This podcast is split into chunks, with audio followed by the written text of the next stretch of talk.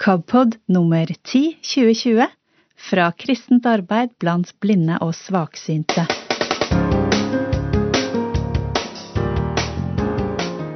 Vi skal høre hvilke erfaringer to mennesker med synshemming har med arbeidslivet. Og det er Kurt Ove Mæland som har lagd podkasten Blindebukk, og han er først ut. Så får vi et intervju med Helga Samset.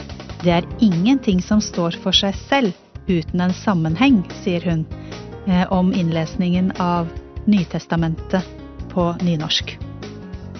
I Tro og tanke sier Magne Bjørndal Jesus har vært der før, og han snakker om Salme 22. I Heidi Halvorsens tekst fra Synlige stemmer sier hun at mennesker er min kur. Og Øyvind Woie har KAB-informasjon mot slutten av dette programmet.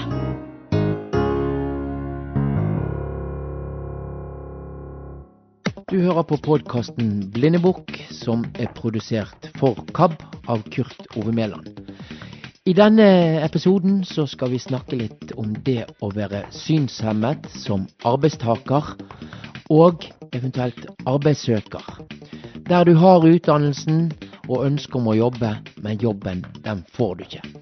Du møter eh, Ranveig Bredesen, som er utdannet diakon, og Kjersti Langås Valen, som jobber som kapellan i Sinsen menighet. Ja, da er jeg akkurat kommet frem til jobben. Nå skal jeg låse meg inn her.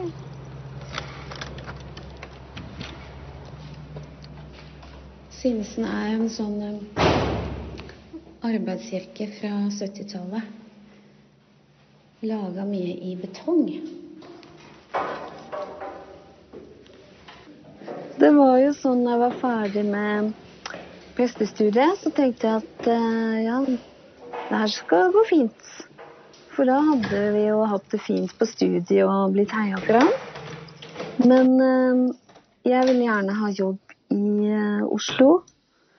Og på den tida var det veldig mye mm, mange søkere da, på prestejobben i Oslo. Det er det ikke lenger. Og da stilte jo ikke jeg så sterkt med å være helt uerfaren og svaksynt. Så eh, jeg fikk jo ikke jobb. Og så søkte jeg en diakonjobb. Eh, der de innstilte meg som nummer én. Men Diakonforbundet sa nei, fordi jeg hadde jo ikke diakoniutdannelse. Så da valgte jeg å ta det, eh, som den gangen bare var et års påbygging, da. Og da begynte det å løse seg. Så da fikk jeg opp som diakon. Eh, men da åpna det seg jo, for da fikk jeg jo vist meg fram, holdt jeg på å si. Da fikk jeg jo endelig fått jobb og ja, fått gjort ting, da. Men hva, hva, hva tanker eh, får du? Du har eh, gjort et godt studie, et langt studie. Og så, og så Det er jo det at de ikke de tror helt på det, kanskje, da, folk som vi skal ansette? Ja, det er jo nettopp det. Så man får jo veldig dårlig selvtillit. Jeg ble jo ganske deppa etter hvert. Fordi det er liksom Får den følelsen at de har ikke tro på deg. Eh, de tror ikke at du kan gjøre en god jobb. Og det er veldig frustrerende. Har, har, det gjort noe med deg i forhold til hvordan du ser på deg og, og på en måte fronter deg sjøl i, i, den kapellanstillingen du er nå òg? Særlig i starten så tror jeg jeg tenkte det at um, jeg må være minst like god som de andre. Men nå etter hvert så har jeg jo slappa mer av med det, fordi nå er det jo mer I hvert fall i noen ting så kan man jo flyte litt på erfaring, og så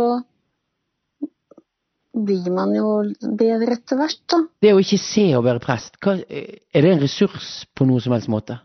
Jeg får jo ofte tilbakemeldinger på det at eh, det at jeg kan ting utenat, gir en uh, stor tilstedeværelse, da. Og at når jeg kan holde en minnetale i begravelse og snakke uten manus, så på en måte føler de at jeg kjenner den som, som har gått bort. Fordi jeg ser mot dem og ikke inn i et papir eller sånn. Um, at den, ja. Og så når jeg døper barna, at jeg har ikke en bok jeg kikker ned i, men jeg er liksom helt til stede i, i det jeg gjør, da. Det er det mange som har sagt. Og så tror jeg at det også kan hjelpe noen ganger i møte med mennesker at de umiddelbart skjønner at det ikke er en sånn uh, helt perfekt uh, person som uh, har klart alt, og som, hvor alt bare glir lett og fint, og sånn som man kanskje kan tenke. Selv om folk, hvis de tenker seg litt om, så tror jeg de bør skjønne at Eller alle mennesker, alle prester, alle uansett har jo sine kamper og sine slag og sine sår i livet. Men det blir jo veldig synlig fordi man for første stund når man treffer meg, så så, um, så er jeg på en måte Så viser jeg svakhet, kan man si, da. Eh, har eh, folk rett i det å tvile på en synshemmet i arbeidslivet? Uh, nei. Har jo ikke det. Men det er jo fullt forståelig. Fordi enhver person vil jo tenke ut fra seg sjøl. Og tenke hvordan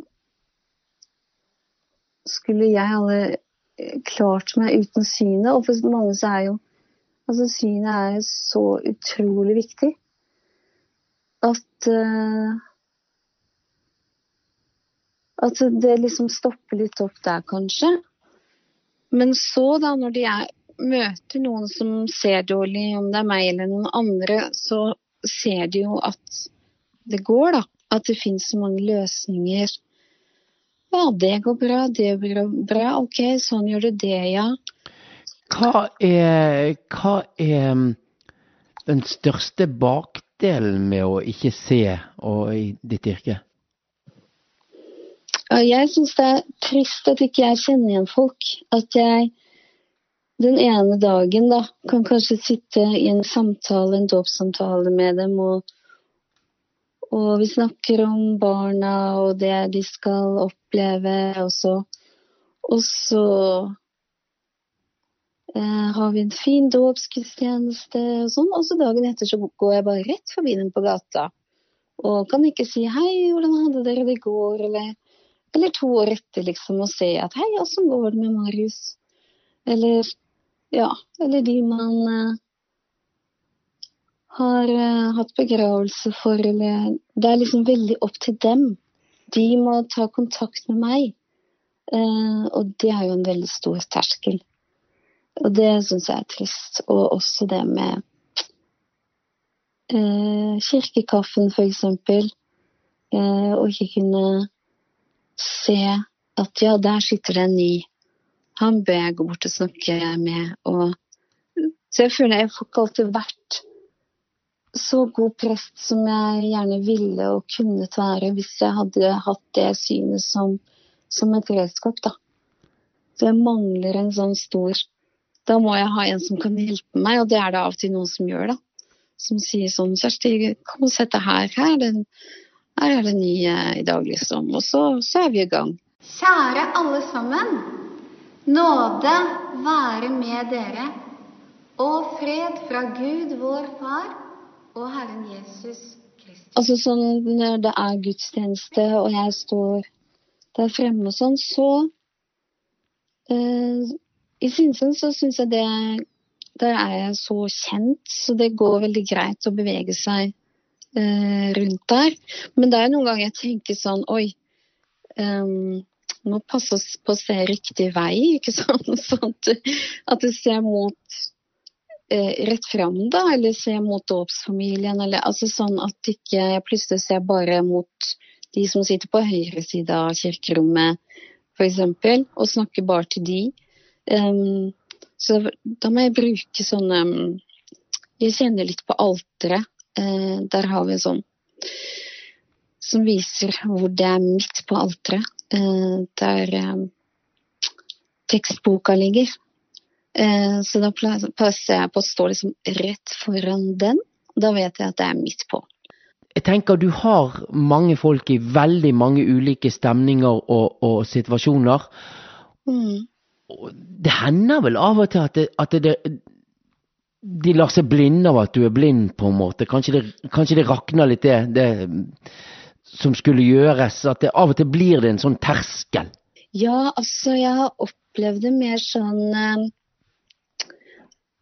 av, kan du si ikke folk som jeg treffer sånn i dåpssamtaler eller sørgesamtaler eller sånn, for da, da, sier jeg, da forklarer jeg, så sier jeg at jeg er nesten blind, men jeg har jo døpt veldig mange barn, og det går veldig fint, og jeg lærer meg ting utenat, og, og da er jo deres person ja, ja, ja, det, det tror de på, liksom. Det er ikke noe Men eh, jeg husker veldig godt vi hadde en sånn samling i prostiet for to år siden. Det var sånn Skulle snakke om frivillighet og sånn, og da kom det en diakon fra en helt annen menighet som ikke kjenner meg, eh, som kom bort til meg. Da sitter jeg eh, helt stille med et holder ved min side, og så kommer hun bort og så tar hun liksom og legger hånda si på min hånd og liksom sånn Hei, Altså, så, og det er veldig sånn tydelig at hun, hun skal liksom vise omsorg, da.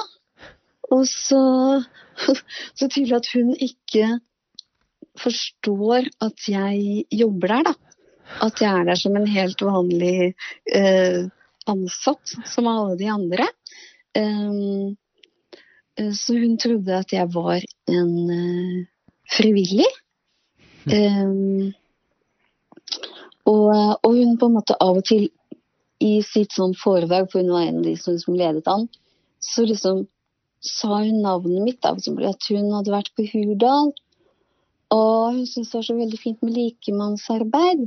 Og det vet vel du mye om, Kristin, sa hun. Og det var sånn ah, utrolig irriterende.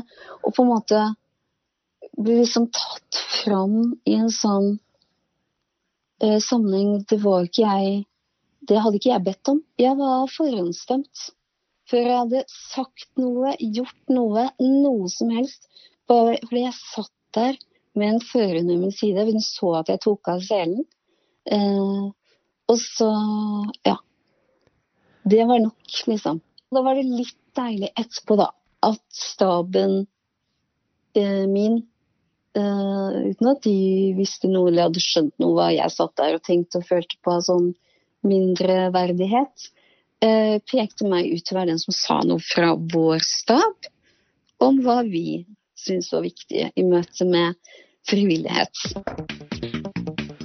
Randveig Bredesen hun er utdannet som diakon og har jobbet både hardt og lenge for å få seg jobb. Men jobb det har hun ennå ikke fått. Nei, jeg er ikke fast ansettelse noe sted, og jeg har eh, nå gått over i de uføretrygdedes rekker. Nå ble jeg ikke uføretrygda pga. synshemningen i seg selv, men pga. de følgene hele Nav-løpet hadde fått, bl.a. Fordi jeg var rett og slett fullstendig utslitt. Ja. Det, eh, det var vel ikke det du hadde sett for deg når du begynte å studere, noe du ønsket å jobbe med? Jeg tenkte egentlig at diakoni var et sted jeg faktisk kunne hevde meg, fordi det å Både det å være Å prate med folk kan jeg jo, og det å Jeg vet hva det er å stå litt på siden av samfunnet, ikke nødvendigvis være godt inkludert hele tiden. Og ja, sånne ting var på en måte veldig viktig for meg under utdanninga. Men så, når jeg da skulle gå ut og begynne å prøve å gjøre ting i praksis, så opplevde jeg stadig hindringer som gjorde at det ble vanskeligere og vanskeligere å tro på at det var mulig. Og da endte det til slutt opp med at jeg ble ufør. Men mener du at det er riktig at siden du er synshemmet, så er det en for vanskelig jobb for deg? At du, du ikke bør, du bør være uføretrygdet, eller hva tenker du om det? Jeg tenker at utgangssituasjonen min, eh, da burde jeg ikke være uføretrygda. Men der jeg er akkurat nå, så er det greit. Fordi jeg har prøvd så mye, og jeg er så psykisk sliten av å prøve og ikke få til, at eh, nå er uføretrygd en grei, en, ikke ønsket løsning, men en løsning som gjør at jeg i hvert fall kan komme meg på beina igjen før jeg prøver en gang til, hvis jeg vil prøve en gang til. Hva, hva gjør det med deg, det å søke og søke og ikke være den som eh, ses på som riktig til jobben? Det som har vært vanskelig for meg, har vært at veldig mange steder vil ha meg i praksis så lenge Nav betaler for eh, praksisplass. Enkelte steder vil gjerne ha meg i praksis. Jeg har fått, hatt én relativt ordinær jobb som var et vikariat. Det satte jeg veldig, veldig pris på. Men arbeidspresset ble rett og slett for stort, fordi jeg prøvde å kompensere så mye for synshemninga mi at, at jeg rett og slett sleit meg ut.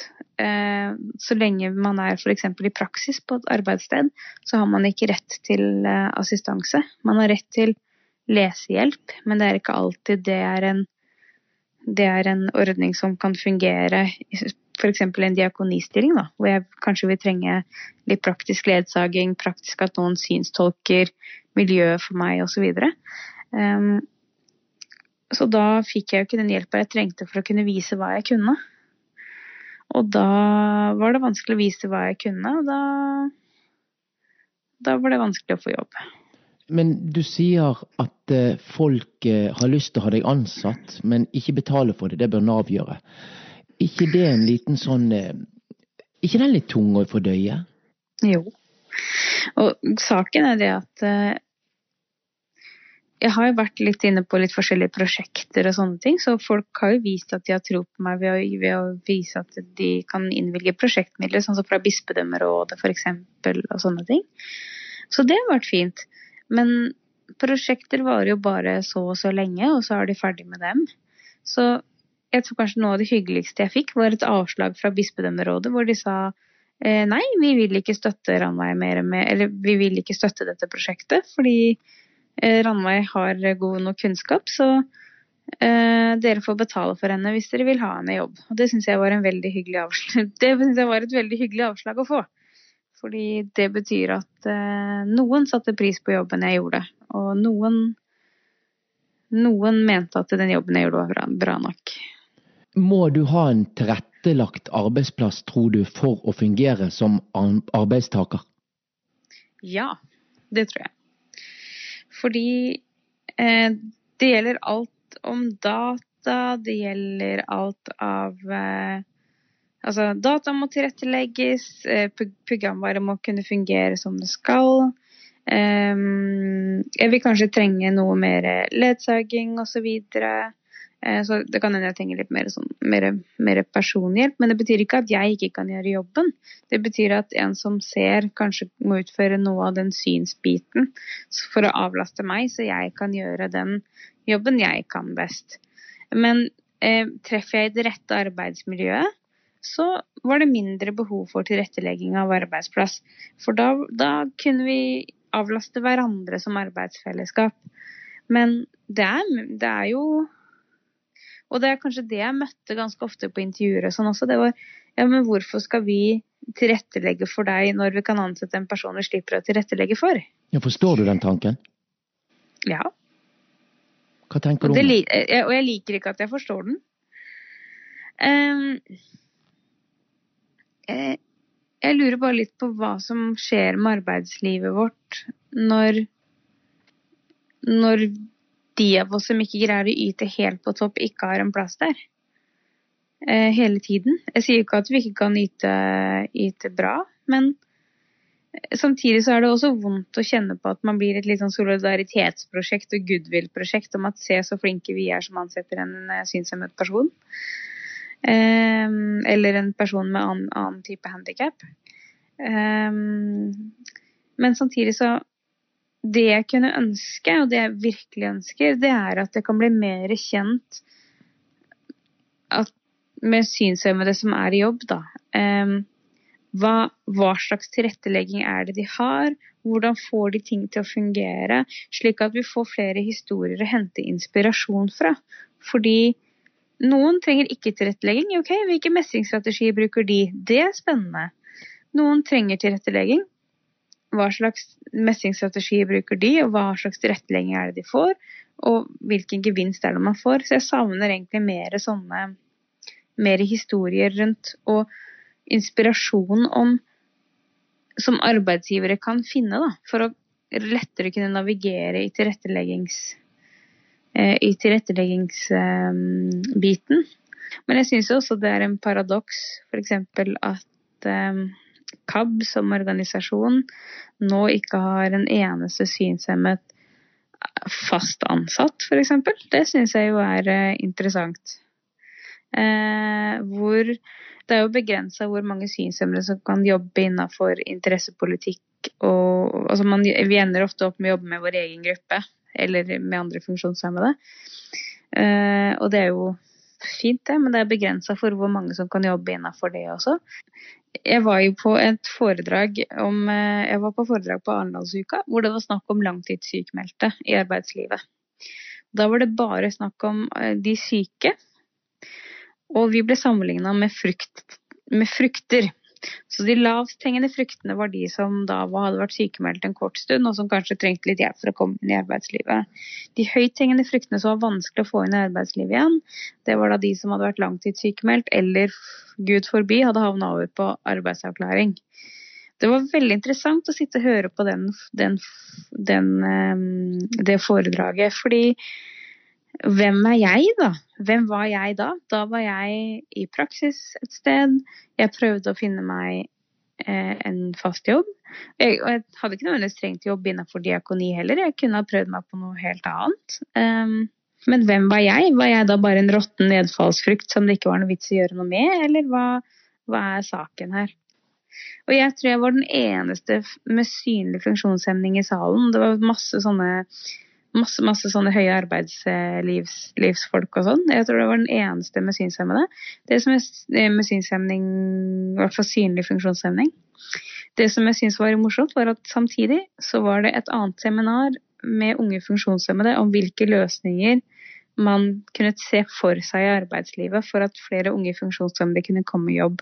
Og jeg bare kjente hvorfor møtte ikke de to arrangementene hverandre på Arendalsuka? Nå tenkte jeg at jeg skulle ringe til Bjørn Inge Sagstad. Og han, han har faktisk eh, vært med å ansette meg som radiomedarbeider i Kystradioen for ganske mange år siden. Det stemmer. Tilbake i eh, ja, det var snart ti år siden, eller noe der omkring nå, tenker jeg. Ja, tiden går fort. Det gjør den. Men du, det, det, vi hadde jo møttes før, så du visste jo litt hvem jeg var. Ja, altså i, hine hårde dager så hadde jeg min praksisutplassering når jeg tok journalistutdanning i NRK Hordaland. og eh, På det tidspunktet så jobba du der. Og eh, jeg var, fikk gleden av å, å, jobbe litt i lag med deg når jeg var på utplassering. Så dermed så visste jeg litt eh, hvem du var, hadde hørt en del ting som du hadde lagd osv. Ja, og, og, og derav så Det er jo ikke sikkert du hadde ansatt en blind hvis du ikke visste hvem jeg var. Nei, det, altså, da tror jeg kanskje terskelen ville vært høyere. Men her visste jeg på en måte at, at det radiofaglige var i boks. Og jeg hadde på en måte eh, sett og hørt at det gikk an å lage radioreportasjer selv om en ikke så. og de beste bildene har vi jo på radio. Så dermed så hadde jeg på en måte grunnlaget på plass sånn sett.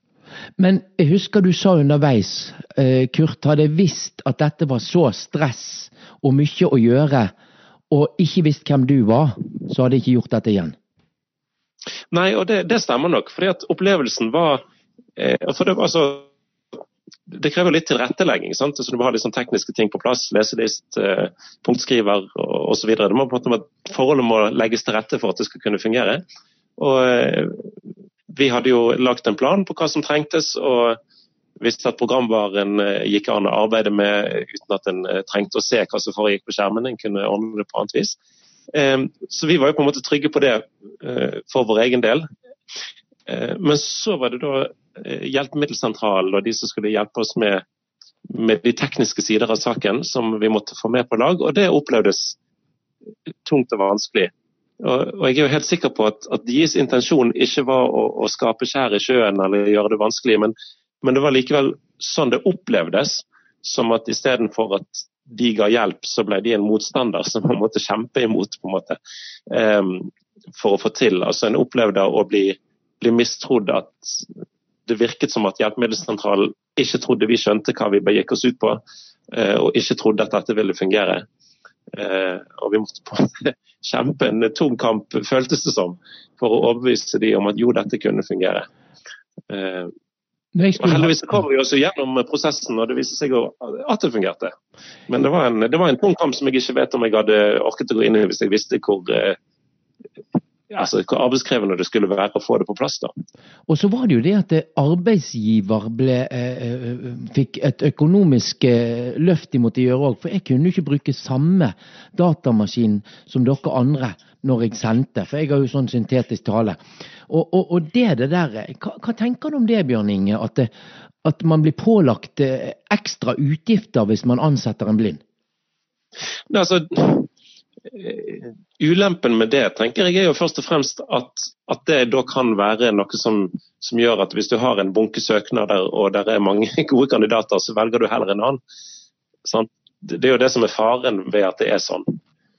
Men Hva tenkte du når vi har fått alt i havn, da?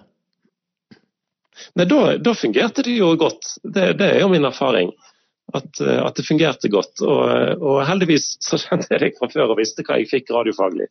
Eh, og dermed så, så, gikk vi for det, og, og, det angret jeg ikke på. Nei, vi hadde jo det steikende kjekt. Ja, vi hadde det kjempemoro, vi. jeg husker du sendte meg ut på bak, eh, baksetet på en motorsykkel på et tidspunkt, der jeg var ute live eh, og kjørte rundt på parkeringsplassen og var litt sånn halvlivredd mens du sto i studio og smilte og lo. En skummel MC-mann. ja, han var i grunnen ganske koselig, men dog. Men eh, det er jo bare til å konstatere at eh, Bjørn Inge, du gjorde eh, eh, det, det, riktige valget her, må jeg si. Og, og, og ansettelsen eh, var et genialt sjakktrekk. Nei, det må jo selvfølgelig være hevet over enhver tvil. du har hørt podkasten Blindebukk, som er produsert av Kurt Ove Mæland for KAB, kristent arbeid blant blinde og svaksynte. Om du har forslag til hvor Kurt kan utfordre sin nysgjerrighet neste gang, så send gjerne en mail til han. Det er adresse kurt.ove.meland alfakrøll kab.no. Og flere podkaster fra KAB finner du på Spotify og iTunes. Søk på titler som Å leve med tap, KAB-verdi, KAB-pod eller Blindebukk. Jeg har tatt en prat med Helga Samset om innlesningen av Det nye testamentet på nynorsk. Og i intervjuet refererer hun til Frank Tangen, som har styrt prosjektet, og til eh, Torstein Lindås, som har vært tekniker og produsent. Opptaket er gjort på Hotell Opera i Oslo under KAB Kortreist. Helga Sandseth, du har gjort en stor jobb. Du har lest inn hele Det nye testamentet i en ny lydversjon for KAB. Mm. Hvordan var det å gjøre det? Oi. Først ble jeg veldig glad for å bli spurt. Og det er et godt tegn. Ja. Fordi at eh, ofte er det sånn Ofte veit jeg med en gang om jeg vil noe eller ikke. Og så kan jeg ofte se meg tilbake og tenke da var nå det så lurt. Men den magefølelsen viser seg ofte å stemme. Og det her ble jeg glad for å bli spurt om, og så visste jeg med en gang det her er svært. Uh, og jeg vil det. Og sånn blei det også. Og så var jeg veldig glad for uh, at Frank spurte. For han kjente jeg lite grann fra før. Uh, og da fikk jeg bare sånn følelse at nå, nå, blir det vei i vellinga, på en måte. Altså, han, kommer å, han kommer til å finne ut av hvordan vi skal løse det. For når man får en jobb òg, så må det være noen andre der som er flinke til å dra i tråder og legge alt til rette og sånn. Ja, for det var flere som var involvert i denne produksjonen? Ja. Det var Frank som da sa jeg vil at du skal gjøre det her. Uh, og I første gang så skulle vi være to, men så ble det til at det bare ble meg, og det var nå greit. Var, jeg var jo glad for det, egentlig, for jeg var sulten. Uh, og så sa han jeg veit hvem du skal jobbe med, og han heter Torstein. Og så møttes vi, og så viste det seg at jeg og Torstein kjente hverandre litt fra før. Vi hadde begge gått på bibelskole i Staffels gate for mange mange herrens år tilbake. Og kjente hverandre sånn bitte litt, men hadde ikke hatt kontakt da på 15-20 år. Så Torstein og jeg blei jo på mange måter eh, ja, vær så god, og overlatt til hverandre, egentlig, i studioet hans på Vålerenga, da. Mm. Og så måtte vi finne ut hvordan vi skulle løse dette her, og hvordan vi skulle arbeide. Ja, for jeg tenker du, du har nok hatt en del tanker bak det. Mm. Jeg har hørt uh, innlesningen, Mm. og jeg oppfatter det som det er en moderne innlesning, og vi blir dratt inn i teksten. Hva Ja. gjør du for å engasjere folk som hører? Mm. Jeg tenker nok veldig Jeg er jo har arbeidet som forteller i alle år. Så jeg tror nok at det, at det som i alle fall er viktig for meg, er at, det, at hvis det er en fortelling, at man, man på en måte har denne kinoen i hodet som vi snakker om hele tiden. Da. Altså at, det, at en kan se for seg det som skjer, og at det er veldig konkret. Det er vel, alt som sies, egentlig, er enormt konkret. Man mener noe med det, på en måte. Så når det er en fortelling, så er det det å på en måte se hva som skjer, og prøve å følge med på å være det øyet som ser det, og forteller nå skjer dette, nå, nå skjer det, og oi, så skjer det, og så skjer det. Og da er det jo noen ganger at man tenker wow, eller man tenker oi, eller at man bare konstaterer sånn er det. Eh, det samme egentlig er det i brevlitteratur og de tingene her. Ofte så Det var deg som fortalte meg, som jobba i Bibelselskapet, og sa det at det, det, det er ingenting i disse tekstene som på en måte står sånn helt for seg sjøl uten en sammenheng. Alt det ene bygger på det andre. Og så er det å se disse steinene og hvordan det byggverket er, og forstå det, det er eh, den store utfordringen. Å klare å bygge stein på stein, da. Sånn at det blir som en slags et helt resonnement, selv om det strekker seg over flere, flere kapitler ofte. Jeg opplevde å få litt aha-opplevelser da jeg lytta til det. Eh, tenkte du på en måte å legge fram teksten på en ny måte da du leste? Nei. jeg tenkte nei, nei, nei. nei. Et, vet du hva? Eh, vi skal ha sånn eh, nettmøte om noen dager også, vet jeg. Hvor vi skal snakke om eh, hvordan skal man lese en, en lydbok og sånn. Og da, da spurte Frank om jeg kunne være med. Og da tenkte jeg å, det vil jeg være med på, for jeg har veldig lyst til å vite hvordan man gjør det. Fordi Nei, jeg leser det sånn som jeg kan lese det. Eh, Og da er det interessant at det kan bli nytt for en annen person. ja, fordi jeg tror ikke Og det her, det her tror jeg er eh, Når jeg har Jeg tror jeg er veldig fascinert av um, andre kunstnere og prøve å få Altså, veldig mange er utrolig dårlige til å begrunne det de holder på med. Og de skjønner De klarer ikke å si hva de holder på med. De bare gjør det. Eh, og så allikevel kan det de gjør, fremstå veldig sånn klart og enkelt. Eh, Mens de er forferdelig dårlige til å formulere hva de driver med, og hva de, og hva de vil. Det vet de nå iallfall ikke. De bare skal gjøre dette, på en måte. Og det, og det, og det, er, ikke noe, det er ikke fordi det er noe mystisk, eller noe sånt, det, det har ingenting med det å gjøre. Men det er Jeg liker veldig godt trua på det at, det, at når en arbeider lenge med noe, da, så blir det så blir det kan, I beste fall kan det bli allment, da. I beste fall, hvis man er heldig. Og vi sitter og snakker om svært gamle tekster, og vi sitter på et hypermoderne mo- hotell Ja. i Oslo. Ja. Og vi sitter nærme spisesalen, så det er de lydene dere hører. Eh, KAB har eh, et seminar som heter KAB kortreist, og Helga Samset, du har også vist oss en forestilling i Ja. kveld. Ja. Eh, hva ville du med den forestillingen? Det var jo en bestilling fra Frank igjen, da. Eh, at vi må gjøre et eller annet for å lansere liksom Ja. Og da, da blei jeg med en gang gira på dette her med eh, synshemming, eller hva en skal kalle det, da. Synshemming i litt overført betydning, Ja, på nesten. en måte fordi at Jesus snakker så, så grensesprengende om hva det er å se. Dere skal se og se, men ikke skjelne. Mm. Høre og høre, men dere skjønner ingenting. Altså, han bruker Og, og fariseerne sier jo til Jesus på et punkt Er vi også blinde?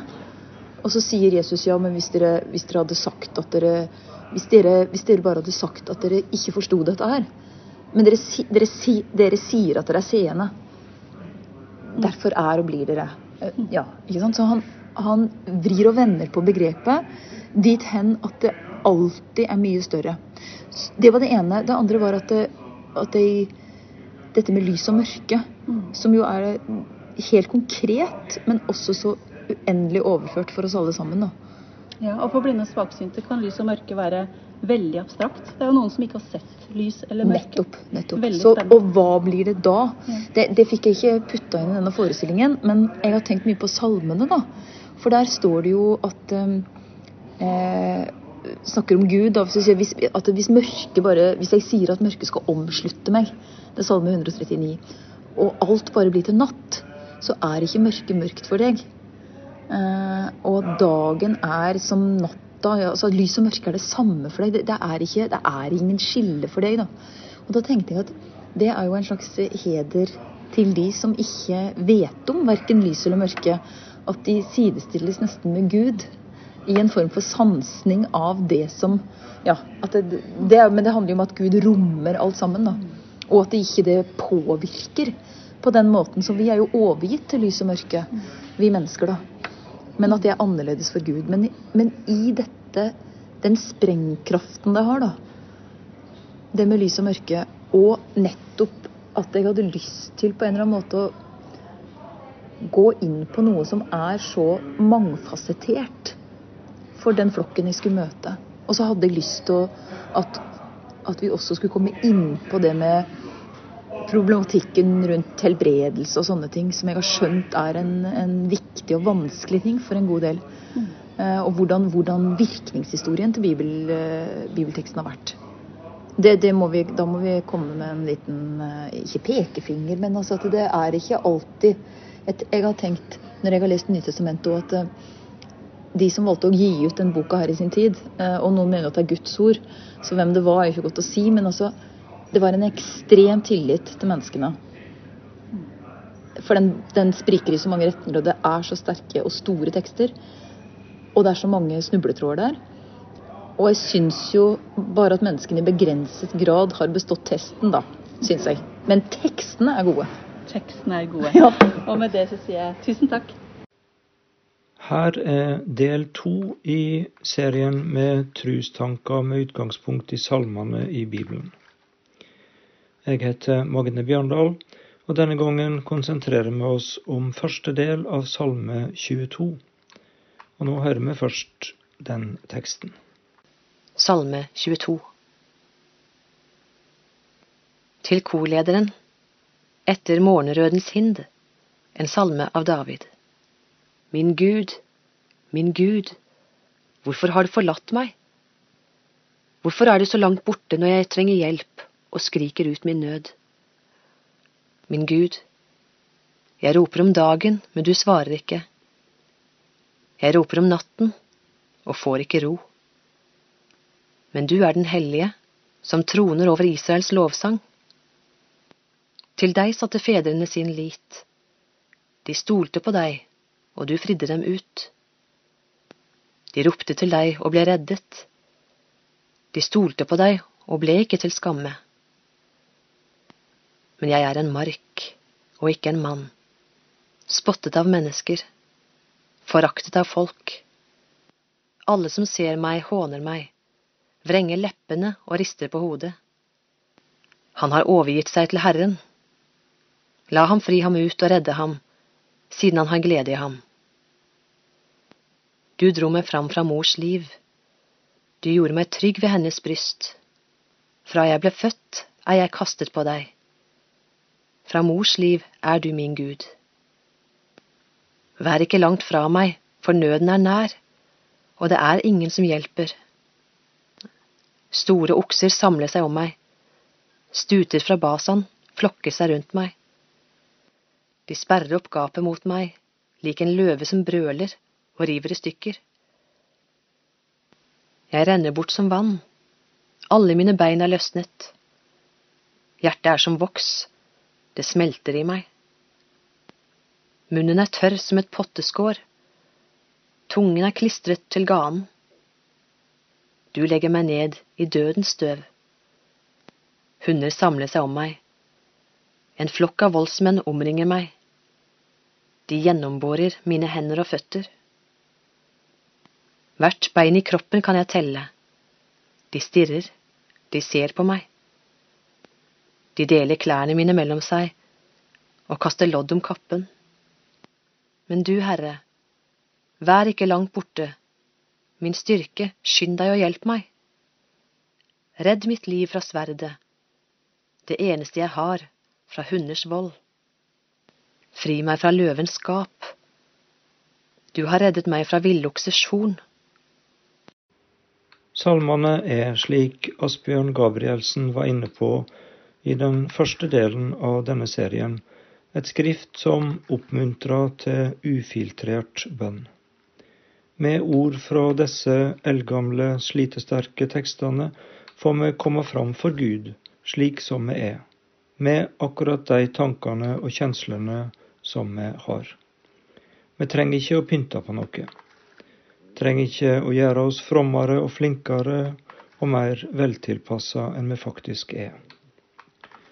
Når vi kjenner trang til å takke og lovprise Gud, så får vi gjøre det. Og når det er angst og sorg og fortviling som fyller oss, da kan vi hente hjelp fra salmene til å få fram det òg. Min Gud, min Gud, hvorfor har du forlatt meg? Hvorfor er du så langt borte når jeg trenger hjelp og skrik ut min au? Min Gud, jeg roper om dagen, men du svarer ikke, jeg roper om natta og finner ikke ro. Slik innleier denne salmen. Sterkere uttrykk for angst og fortviling kan vel knapt tenkes. Min Gud, ikke en idé eller ei upersonlig kraft, men den Gud som salmisten har trudd på og sett sin lit til, er det umulig å nå fram til. Slik kan ei gudstru òg opplevast. Det kjennes som sjølve livsfundamentet er borte. Når vi kjenner det slik, da kan det gi trøst å vite at vi ikke er de første. Mennesket før oss har hatt det på samme måten. Salmisten hadde det sånn, og til og med Jesus, Guds egen sønn, var forlaten av Gud. Under dødskampen på krossen så ropa han ut nettopp disse orda fra Salme 22. Min Gud, min Gud, hvorfor har du forlatt meg? De fire evangelistene forteller jo i grunnen den samme historia, men på hver sin måte. Både Matteus og Markus forteller at Jesus i dødskampen ropte ut disse orda fra Salme 22. For Matteus er dette en del av et mønster som preger hele evangeliet hans. Han var jøde og skrev for jøder. Han siterer stadig fra Det gamle testamentet for på den måten å vise at Jesus virkelig var den frelserkongen som jødene venta på. Når han skildrer krossfestinga, viser han hele fire ganger til Salme 22. Han vil ha fram at det som hendte med Jesus, ikke var tilfeldig, men tvert om var en del av Guds store plan for å berge menneskeslekta. Så kan vi kjenne oss aleine og hjelpeløse forlatende av både Gud og menneske. Når vi opplever det slik, skal vi få ta det på alvor, ikke late som, som om det er annerledes enn det er. Men vi skal òg kunne finne trøst i at Jesus har vært der før. Ja, han er den eneste som helt og fullt har vært forlaten av Gud. Da opplevde han for at vi aldri skal verta forlatne. Eg sviktar deg ikkje og går ikkje frå deg, slik det heter i Hebreabrevet. Gud har ikkje lova å spare oss for alt som er vondt og vanskelig. Men når Jesus er med oss alle dager, kan vi likevel være trygge, samme hva som møter oss, i dette livet og i livet bak døden. Jeg er en makk og ikke en mann. Spotta av mennesket, forakta av folk, står det litt lenger nede i teksten. Salmisten opplever ikke bare at Gud har snudd ryggen til han. Det har mennesket òg gjort. Men hvordan rimer dette med menneskeverdet, og med all den innsatsen som vi både i kristne sammenhenger og i samfunnet ellers legger ned for å formidle at vi alle er like viktige og verdifulle? Det siste vi vil, er vel å påføre hverandre sjølforakt og mindreverdskjensle. Kan vi både synge Du er du og du duger, og samtidig la oss sammenligne med en makk? Ja, når vi opplever at vi blir sett ned på og er forakta av andre, da kan vi, gjerne med ord, henta fra salmene, for å gi uttrykk for at det er slik det er. Igjen er ufiltrert bønn et treffende uttrykk. Og så sier det oss noe om hva som er kjernen i den kristne budskapen.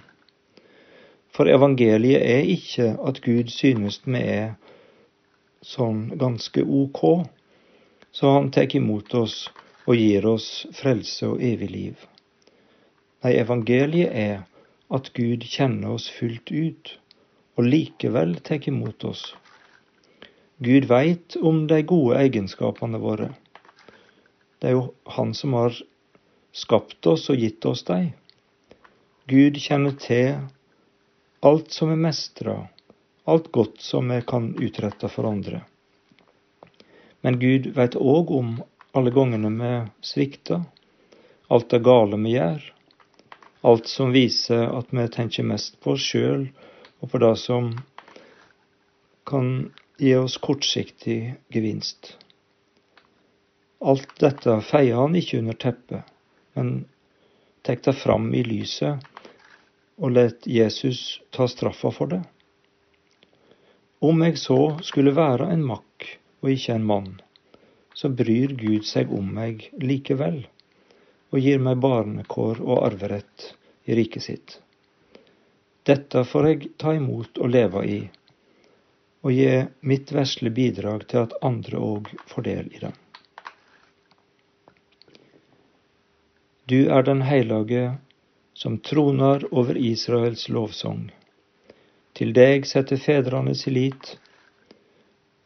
De leit på deg og du fria deg ut.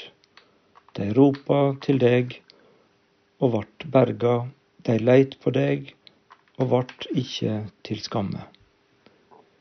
Slik òg er salmisten si oppleving. Så får det være vår bønn at ikke bare slektene som gikk framfor, men òg de som kommer etter oss, får møte evangeliet om Jesus han som var forlaten av Gud for at vi aldri skulle være det. Som ei musikalsk avslutning har jeg valgt en påskesalme av Thomas Kingo. Der lyder et av versene slik Ligger jeg i syndens veie, ligger jeg i armod ned, ligger jeg på sykdoms leie ligger jeg i uselhet.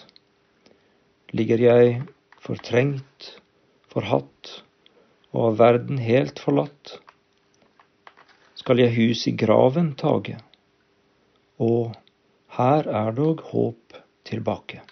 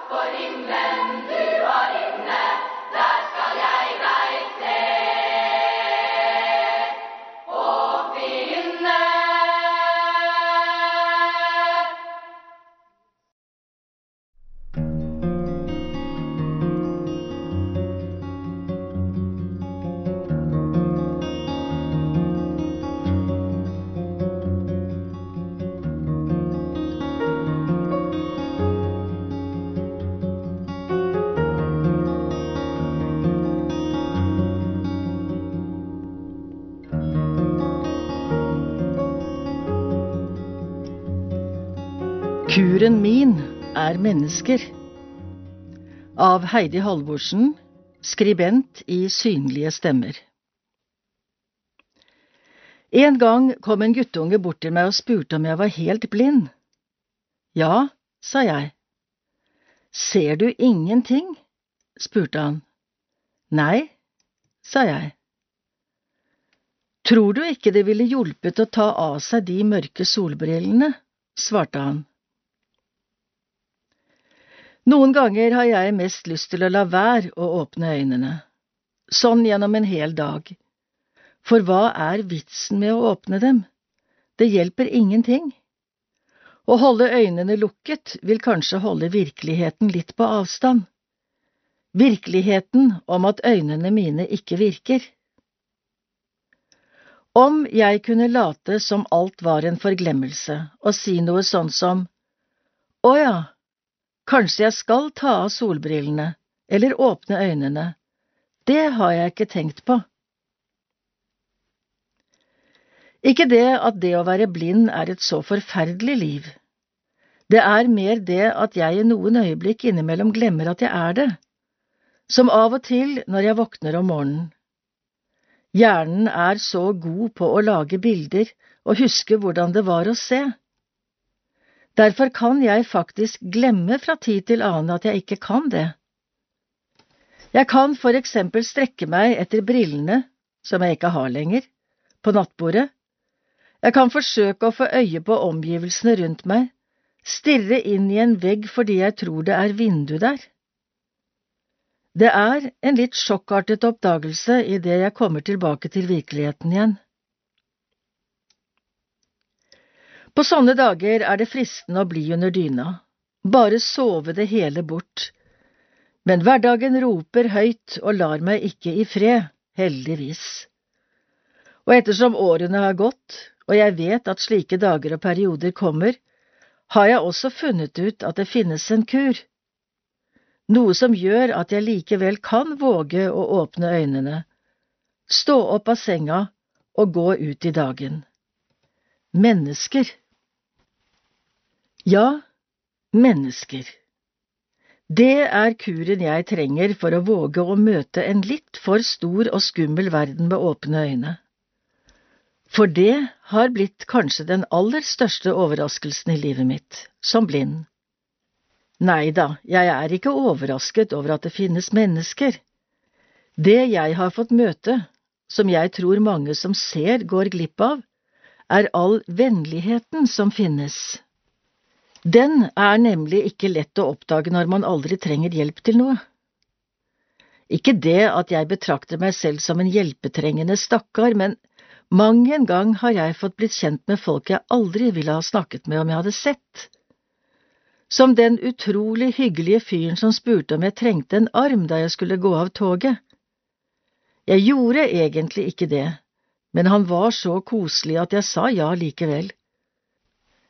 Eller de butikkansatte som alltid er ekstra blide og imøtekommende når jeg kommer. Det liker jeg i alle fall å tro. Eller den før nevnte guttungen. Han ga meg en skikkelig god latter. Og så klart mine nærmeste, familien, venner, kollegaer. Å ha folk rundt meg når grunnen under føttene mine føles utrygg, betyr så mye at jeg måtte skrive et dikt om det for ikke å glemme det når jeg egentlig helst vil holde øynene lukket resten av dagen. Godhetens magi Når du tar hånden min, viser meg vei, når du med stemmen din forklarer for meg, da hender det noe. Har du lagt merke til det? Mer enn at jeg ved din hjelp får mulighet til å se det virker nesten magisk, det som ofte skjer. Den vennlighet jeg møter, vokser til noe mer. Som om det er nødvendig at jeg skal trenge deg, for at godheten skal blomstre som fioler langs vår vei. Om vi aldri trengte noen, alltid klarte oss selv, hvor ble det da plass til varmen, til lyset den mørkeste kveld? Nei, ta min hånd så går vi sammen et stykke av veien, Vil du bli med? I våre fotspor vokser jammen kjærlighet, glede, godhet og fred.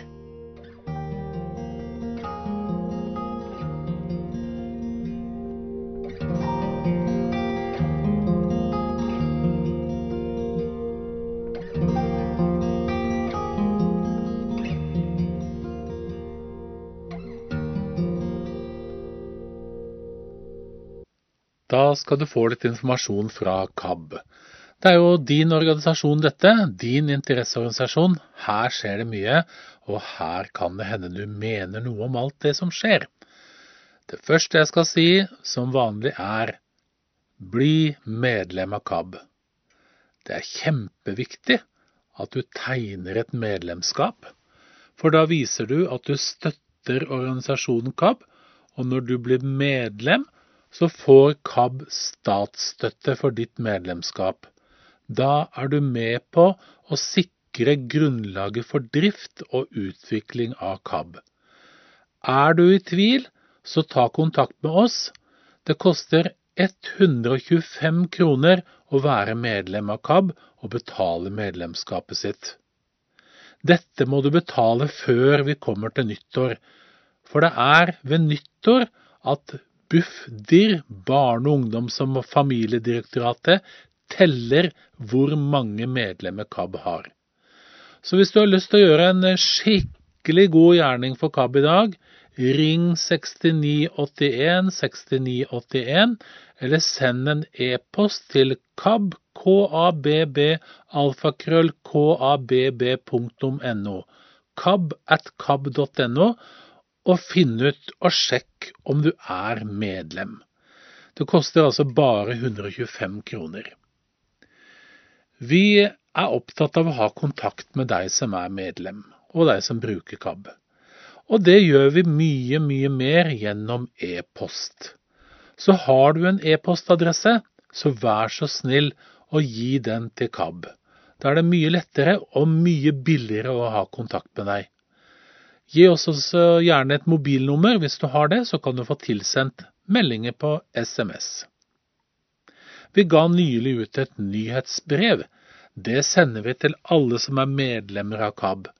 Det sender vi på e-post, men vi leser det også inn på lyd. Så hvis du vil ha dette nyhetsbrevet på lyd, så må du gi beskjed til oss her på KAB. Jeg vil også minne deg om disse kortreistsamlingene som vi arrangerer utover denne høsten og litt utpå vårparten. Neste runde er i Kristiansand fra 23. til 24. oktober, og så går turen til Trondheim, og her har vi lyst til å få kontakt med synshemma brukere som bor i Trondheim og omegn.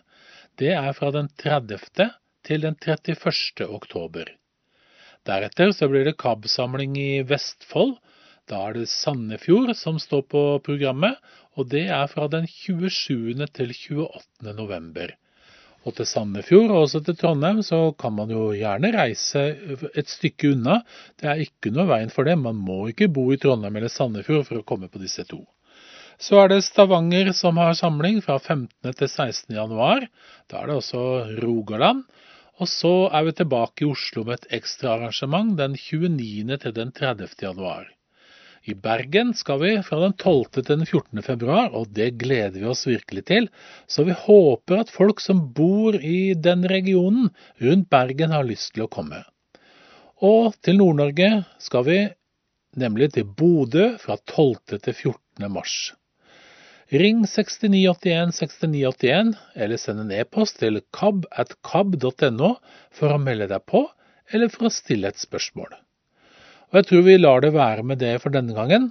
Eh, sist, men ikke minst, husk på å sjekke om du er medlem, og hvis ikke, så bli medlem av KAB. Krigsropet nummer 43 2020 133. årgang.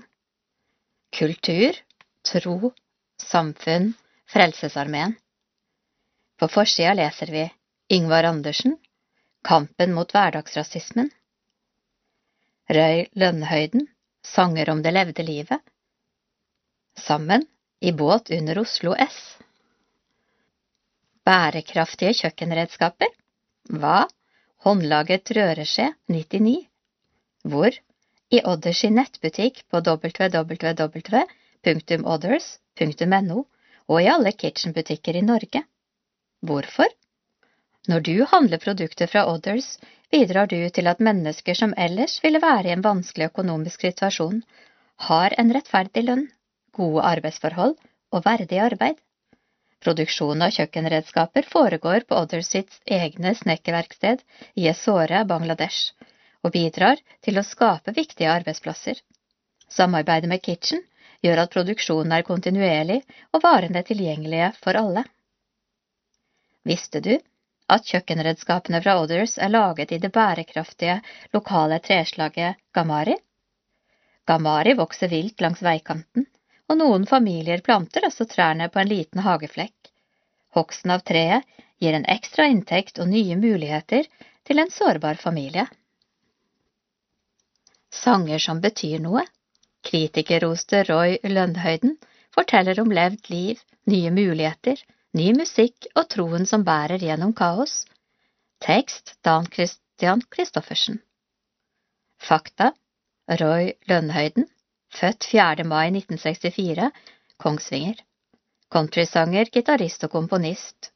To ganger nominert til Spellemannsprisen. Har samarbeidet med Frelsesarmeen en rekke ganger, blant annet som medhjelper på Alternativ jul og som artist på diverse konserter og gudstjenester. Aktuell med albumet You Ask Me About Truth. Jeg har nettopp vært på protestfestivalen i Kristiansand og spilt en halvtimes konsert under utdelingen av Erik Bye-prisen, forteller countryartisten. Lønnhøyden trår inn på Williams kaffebar med hatt på hodet og gitaren i hånda. Han hilser på folk til høyre og til venstre, og vet hva damene bak disken heter. Det var her, på Frelsesarmeens kafétilbud i Kongsvinger, at 56-åringen i 2015 holdt release-konsert for den forrige plata, kalt Du spør meg om sannhet. Nå er han aktuell med nytt album, innspilt med et kremlag av musikere i USA. Målet er så mange ganger før å formidle håp i mørket. Ballen som begynte å rulle. Kongsvingergutten, som for lengst har flyttet ut i skogen, nærmere bestemt Finnskogen ved svenskegrensa, vokste opp på Jøsegården ved Vingersjøen i Kongsvinger.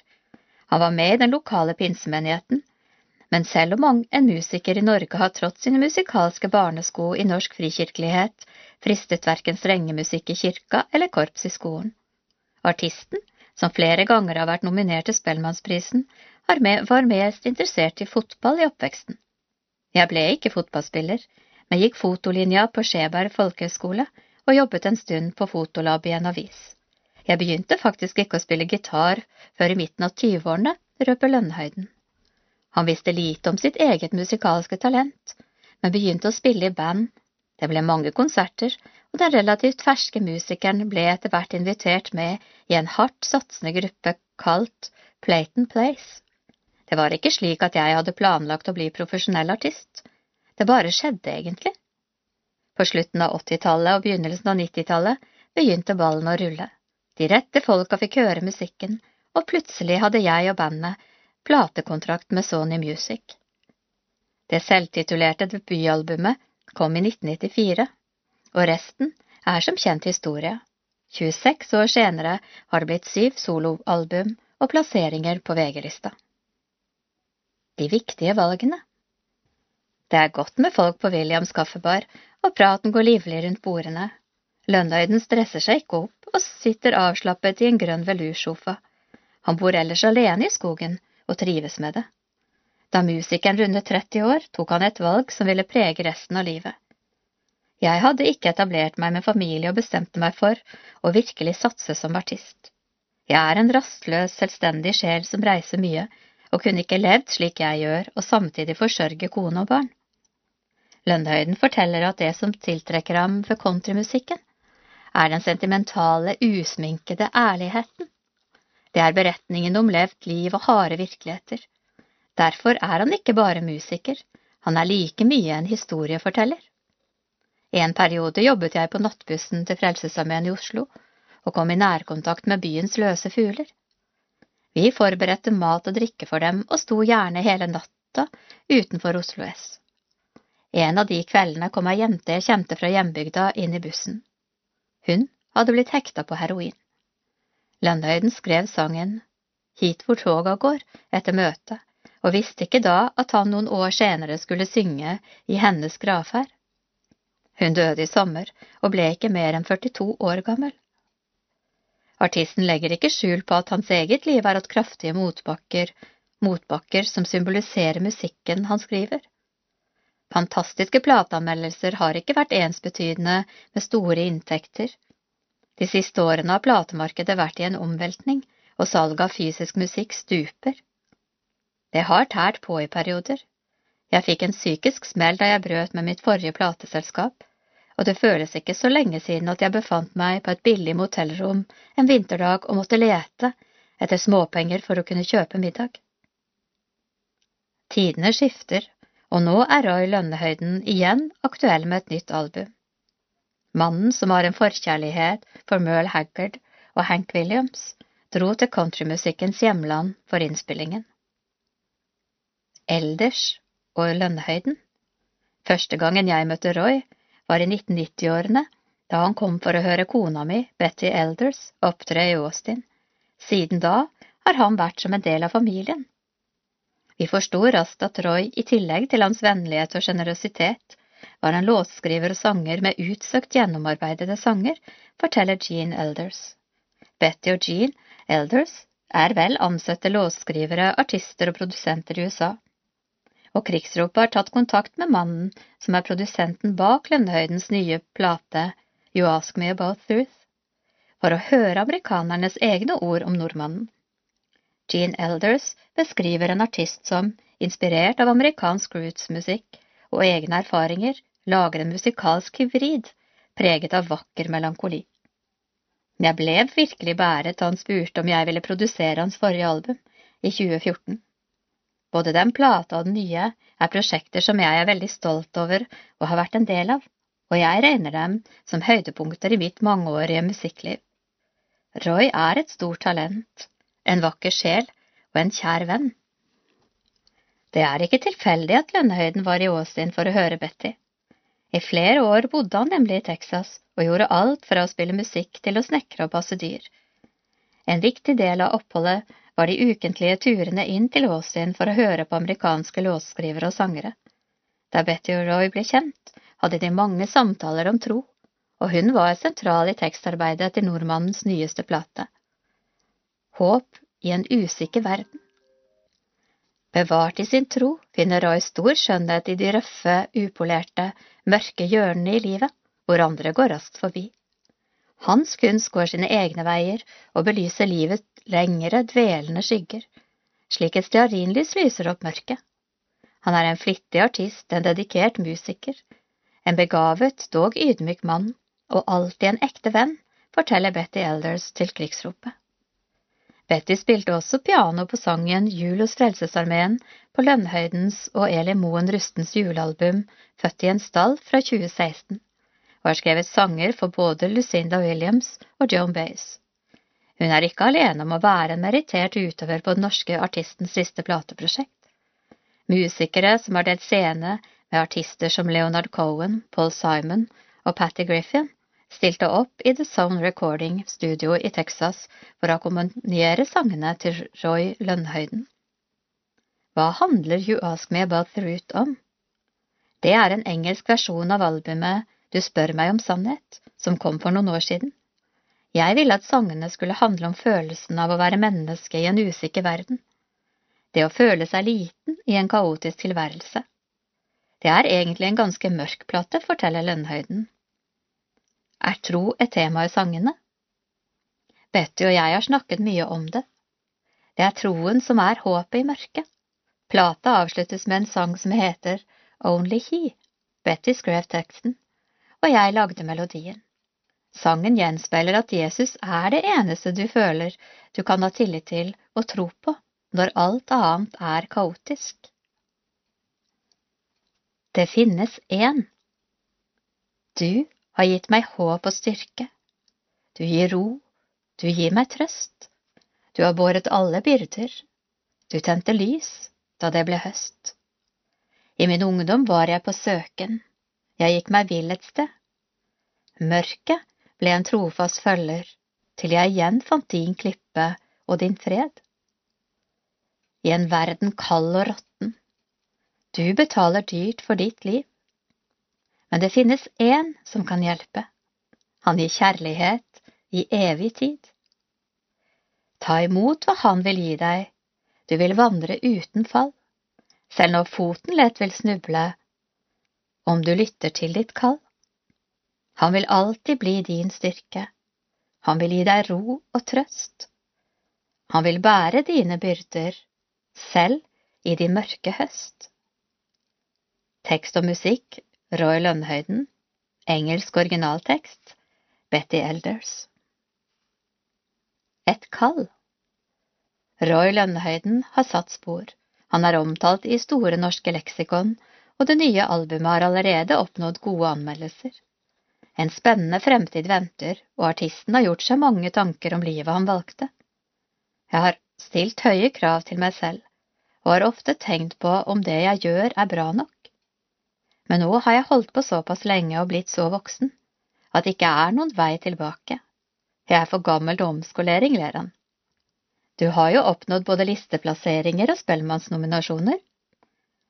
På papiret ser det fort rosenrødt ut, men det har vært mange økonomiske og indre utfordringer i tillegg til det bransjemessige.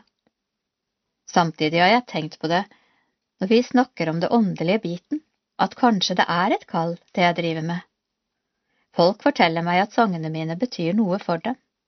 Jeg skal ikke redde verden gjennom musikken, men hvis man evner å lage låter som en gang iblant kan gi mennesker et håp og lys i hverdagen, så er det mer enn bra nok og viktig nok. Diskografi Soloalbum Det ensomme landet 2004 Sanger fra skogen 2006 når dagen demrer blått 2008 Tilbake i tid De beste sangene 2010 Sanger fra veien 2012 Du spør meg om sannhet 2015 You Ask Me About Truth 2020 Aktuelt. Munnbind til rusomsorgen. For hvert tiende munnbind som selges i nettbutikken moni.no får Frelsesarmeens rusomsorg 1. Tekst Stine Frimann. Denne gaven er med på å sikre at vi kan fortsette med vår utadrettede virksomhet, sier daglig leder ved Gatehospitalet, Liv Bente Nilsson. Vi ønsket å støtte Frelsesarmeen på grunn av deres arbeid med vanskeligstilte. Jeg så blant annet en reportasje fra Bergen på TV 2 om betydningen for hva som vil skje dersom koronasmitten når rusmiljøet der, og det gjorde inntrykk. Frelsesarmeens lavterskeltilbud, Gatehospitalet, er også et tiltak vi er veldig begeistret for, sier eier av selskapet Majoar, Marius Nordhagen. Siden Majoar lenge har samarbeidet med leverandører i Kina, fikk de mange tilbud om å bestille smittevernutstyr og medisinsk utstyr da epidemien brøt ut. Vi valgte å si nei i starten, vi ønsket ikke å være blant dem som tjener penger på korona, men etter hvert så vi hvordan munnbind ble kraftig overpriset. Vi vet hva innkjøpsprisene på disse er, de trenger ikke være så dyre. Så vi bestemte oss for å starte en nettbutikk hvor vi selger munnbind og desinfeksjonsmidler så rimelig som mulig, både til private og bedrifter, forklarer han. Før de startet nettbutikken, ville de ha på plass to ting. En veldedig organisasjon som de kunne støtte, og de ville ha med idretten. Frelsesarmeen var førstevalget, så vi er glade for å ha fått på plass denne avtalen. I tillegg går noe av overskuddet til å støtte Norges Squashforbund, forteller Nordhagen. Stort behov. Nettbutikken ble lansert i slutten av september. Allerede samme uke mottok Gatehospitalet i Oslo 500 munnbind og 12 liter desinfeksjonsmiddel. Vi fikk høre at de hadde et stort behov for dette, så da synes vi det var riktig å gi første donasjon på forskudd. Vi håper å kunne donere mange munnbind til Frelsesarmeen framover, avslutter han. Munnbindene vil komme Gatehospitalet både i Oslo og Bergen til gode. og vil i tillegg fordeles videre til andre i Frelsesarmeens rusomsorg etter behov. Det har vært krevende å skaffe nok munnbind gjennom hele koronaperioden. Våre vanlige leverandører er nå forpliktet til å sende dem til store lagre som fordeles mellom sykehusene. Vi er verken sykehus eller kommunal virksomhet, så vi havner litt mellom barken og veden, forteller Liv Bente Nilsson. Hun har klart å sørge for at de ikke har gått tomme, blant annet gjennom gaver som denne, og ved at hun etter hvert fikk på plass en avtale med Oslo kommune. Men skulle det komme en stor smitteøkning, ville de raskt gå tomme for munnbind. For en del andre enheter i rusomsorgen er det enda vanskeligere å skaffe nok. Vi er veldig glade for denne gaven. Det sikrer at vi kan fortsette vårt utadrettede virksomhet i rusomsorgen, og samtidig ivareta de ansattes sikkerhet, avslutter hun. Leder Bo Kristoffer Brekke, seksjonsleder for internasjonal utvikling. Troen på likeverdet. Vi må starte med å slå ettertrykkelig fast gang på gang at alle mennesker er like mye verdt, uavhengig av etnisitet, hudfarge eller andre differensierende karakteristikker. Et av få større temaer som har klart å bryte gjennom medienes koronaboble hittil i 2020, har vært rasisme. Midt i pandemien utløste en tragisk enkelthendelse i USA en global bølge av protester og debatter som denne uka også har nådd hovedsaken i krigsropet. Frelsesarmeens internasjonale uttalelse om temaet rasisme er klokkeklar. Frelsesarmeen fordømmer rasisme i alle dens former. Rasisme er fundamentalt uforenlig med den kristne overbevisning om at alle mennesker er skapt i Guds bilde med lik verdi. Frelsesarmeen mener at verden berikes av et mangfold av kulturer og etnisiteter. Troen på likeverd mellom alle mennesker er en helt sentral bærebjelke i Frelsesarmeens DNA, og i Frelsesarmeens globale fellesskap ligger en sterk grenseoverskridende felles identitet. Uansett hvor forskjellige vi er, så samles vi i over 130 land om et felles oppdrag og et felles menneskesyn som sier at alle mennesker er skapt i Guds bilde. Dette binder oss sammen langt mer enn etniske skillelinjer eller menneskeskapte grenser klarer å skille oss ad. Gjennom mitt arbeid har jeg vært så heldig å få besøke kollegaer i mange forskjellige land, og jeg reiser alltid hjem igjen preget av den samme erfaringen av hvor sterk og hvor genuin denne felles identiteten er. Like fullt er rasismen en virkelig og en farlig kraft i samfunnet ikke bare på grunn av dens mer ytterliggående uttrykk gjennom perifere hatgrupper, ondskapsfulle enkeltmennesker eller kyniske maktpersoner, men også fordi menneskenaturen gjør at vi alle er utstøtt for å bevisst eller ubevisst gli inn i tankemønstre som handler om oss og dem. Tankemønstre som ofte kan innebære elementer av rangering.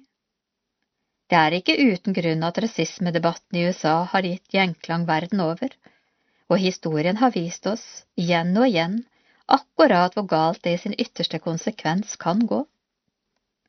Også Frelsesarmeen består av helt vanlige mennesker. Derfor erkjenner også den internasjonale uttalelsen om rasisme at heller ikke Frelsesarmeen er immun mot rasismens synd og at også vi til tider står i fare for å tilpasse oss økonomiske, organisatoriske eller sosiale mønstre som er med på å opprettholde rasisme. Uavhengig av egne verdisyn eller politiske holdninger bærer vi som verdensborgere alle med oss en kollektiv historikk. Opplevelser av kulturell overlegenhet har både drevet fram og blitt forsterket av endringer i globale maktrelasjoner de siste århundrene. Noe av denne historikken setter fortsatt sitt preg på samfunn over hele verden i dag, og naturlig nok også på Frelsesarmeen som organisasjon. Når en privilegert hvit mann som meg skal reflektere rundt rasisme, må det først og fremst være med et innadrettet blikk og med åpne ører som er mottakelige for å høre på de som på daglig basis kjenner hverdagsrasismen og rasismen på kroppen antar man at dette ikke er et problem, i hvert fall ikke her i Norge. så bidrar man kanskje til å opprettholde problemet. Det er gode grunner til at Frelsesarmeen har prioritert å utarbeide en uttalelse nettopp om temaet rasisme. Det handler ikke bare om å ta et relativt forutsigbart standpunkt i en prinsipiell debatt. Det handler også om å bevisstgjøre hver enkelt av oss om det ansvaret vi har for å motarbeide de potensielt destruktive kreftene som bor i den noe ganger så sneversynte menneskenaturen. Vi må starte med å slå ettertrykkelig fast, gang på gang, at alle mennesker er like mye verdt, uavhengig av etnisitet, hudfarge eller andre differensierende karakteristikker, for den del. Så må vi ta inn over oss konsekvensene av et slikt prinsipielt standpunkt og omsette det i en innsats for å sikre at dette likeverdet reflekteres i våre lokalsamfunn, så vel som i vårt verdenssamfunn. bo.kristoffer.brekke alfakrøll frelsesarmeen.no Fargeblind framtid. Vi liker å tro at Norge er et samfunn som ikke diskriminerer på grunn av hudfarge eller kulturell tilhørighet, men er det slik? I Norge er det ingen dører som er direkte stengt, men langt ifra alle som er helt åpne, sier Ingvar Andersen. Tekst Randi Bjelland. Ingvar Andersen, foredragsholder, trener, gründer av nardic.no, driver treningsstudio og mye mer. Har siden 2006 gitt treningsråd i NRK-programmet Puls. Utdannet ved Norges idrettshøgskole norsk juniormester i kule, diskos og spyd. Fra Luster, nå bosatt i Oslo, har norsk mor og marokkansk far. Første gang jeg oppfatta at noen kalla meg helvete svarting, neger, apekatt og så videre, var jeg 13 år, skrev Yngvar Andersen i et innlegg på Facebook, som også ble gjengitt i flere aviser. Han hadde skjøvet mange av de vonde opplevelsene bort. For han som har norsk mor og marokkansk far og er oppvokst i Luster i Vestland fylke, har jo klart seg bra. Det er jo så mange som har det verre, har han tenkt. Men i kjølvannet av drapet på George Floyd kom mye av det fortrengte til overflaten. Jeg merker etter de siste ti dagene hvor mye jeg har lagt lokk på, og hvor mye smerte alle orda og de rasistiske handlingene jeg er blitt utsatt for, har forma meg hvor hardt jeg har prøvd å glemme, skrev han.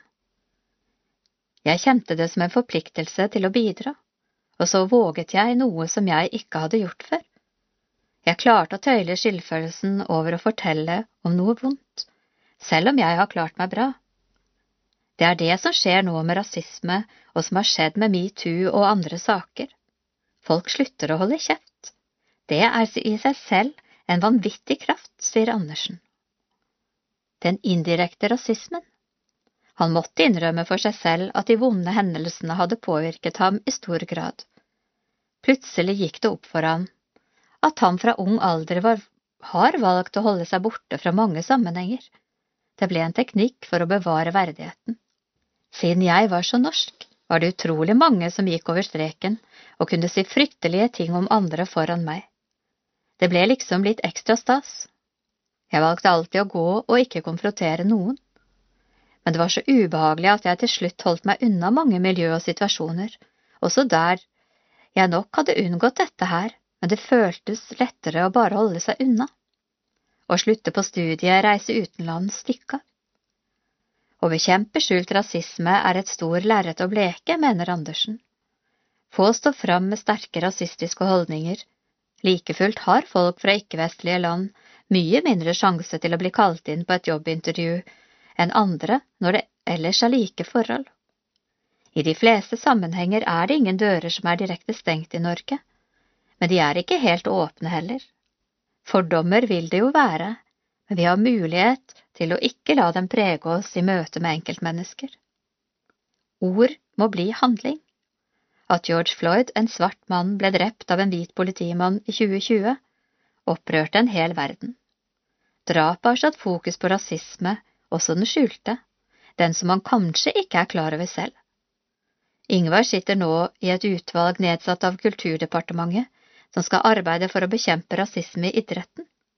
Utvalget har nylig levert konkrete forslag til kulturministeren, som blant annet handler om behovet for en varslingskanal, aktiv rekruttering av minoriteter og retningslinjer for håndtering av trakassering. Ved å bruke hashtaggen firkant bare stopp ønsker man å signalisere at det viktigste voksne kan gjøre for barn og unge i dag, er å sørge for at rasisme og diskriminering stopper. Utvalget ønsker også å rekke ut ei hånd til dem som har diskriminert. Tanken er at man kan formidle dette til dem som har trakassert, både på nett og andre steder. Ja, du har formidlet ufattelig mye dritt. Det beste er hvis du klarer å møte folk og å unnskylde det du har sagt. Men det viktigste er å stoppe nå. Hva håper du utvalget kan oppnå? At idretten går foran som den største frivillige organisasjonen i Norge og bruker kraften og makten sin til ikke å bare tas rasisme på alvor, men la ord bli til handling ved å skolere alle som har lederverv i idretten. Målet er at man på en enkel måte kan få snakke om rasisme, hva det fører til, og hva man gjør når det forekommer. Man må ha like retningslinjer i alle idrettsgrener. Ved at idretten står samlet i kampen mot rasisme og diskriminering, tror Andersen at man får et systematisk løft og blir mindre avhengige av ildsjeler. Det forutsetter å utvikle enkle redskaper for å bekjempe rasisme, tilpasset leder, trener og lagkamerat. For hva skal man egentlig gjøre om man hører at lagkameraten blir trakassert? Vi har et sterkt ønske om å få bruke forbilder som kan vise vei. Det aller beste hadde vært å få noen idrettshelter som er villige til å innrømme at de har slengt med kjeften, eller at de har holdt kjeft og ikke visste hva de skulle gjøre eller si, men at de nå kommer til å si fra neste gang. Nå er det stopp. Mindre militante Andersen mener at selv om historien vil prege oss, bør vi ha fokus på at rasismen ikke fortsetter i framtida. For å klare det må vi alle være mindre militante. Mange ganger har jeg vært i situasjoner der jeg skjønner at en person som sier noe rasistisk, overhodet ikke mener det. Da må man ta det i god mening og gjerne si fra på en fin måte. Andersen tror at om folk som bare er ubevisste på hva de sier i øyeblikket, blir kritisert for hardt, føler de seg så angrepet og misforstått at de mobiliserer. Jeg er redd at resultatet blir at man går fra å være en litt sleivkjefta person til å bli en mer hardbarka trakasserer. Han tror vi snakker altfor lite om hva det gjør med et menneske når det blir trakassert for noe det er umulig å gjøre noe med. Da tenker jeg på alt fra det å være same eller å ha en annen hudfarge enn majoriteten, til å være transperson eller homofil. Man kan ikke gjøre noe med det. Hvis jeg oppfører meg dårlig, tåler jeg at noen kaller meg for en idiot, men ikke bland inn de faktorene som jeg ikke kan gjøre noe med. Andersen tror det ligger en kjempemulighet i å styrke arbeidet der folk er, på skolen, i idretten og på arbeidsplassene. Alle har de sine visjoner at det skal være nulltoleranse for rasisme, men hvis man virkelig hadde ment at dette var verdifullt og viktig, hadde man tråkket til mye hardere, avslutter Yngvar Andersen. Hva er rasisme? Lowell McConen er sosionom og studieleder ved RBUP, øst og sør. Han kom selv som flyktning fra Etiopia for 23 år siden, og driver dialogarbeid i innvandrergrupper på fritiden. Han mener vi ofte blander for mye inn i begrepet rasisme. Det er helt naturlig at mennesker foretrekker å omgås andre som har samme bakgrunn, hudfarge og oppvekst. Det er noe som gir deg trygghet og hjelper deg til å opprettholde din komfortsone. Jeg tror det er et allmennmenneskelig fenomen, og det må vi anerkjenne. Noen tolker dette fenomenet som rasisme. Det er det ikke. Mekonen tror man ganske enkelt kan gjøre noe med dette, at det ofte bare handler om å bli mer bevisst. Dyp forakt for andre er noe helt annet, mener han. Stort sett er rasisme en lært holdning. Den kan komme fra familie, fra media og fra politikere. Hvis man for eksempel har et hjemmemiljø der det er normalt å vise forakt for mennesker som har en annen kulturell bakgrunn, blir det etter hvert en sannhet for det mennesket.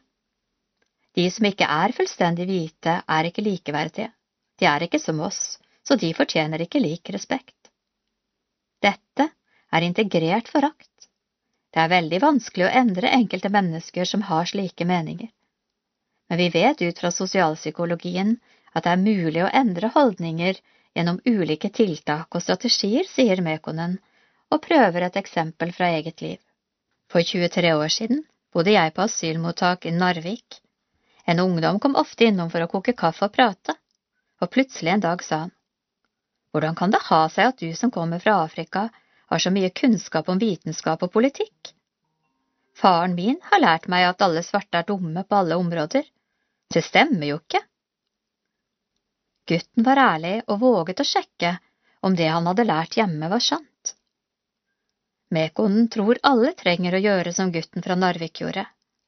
Jeg kjenner også innvandrere som føler forakt overfor andre etniske eller religiøse grupper.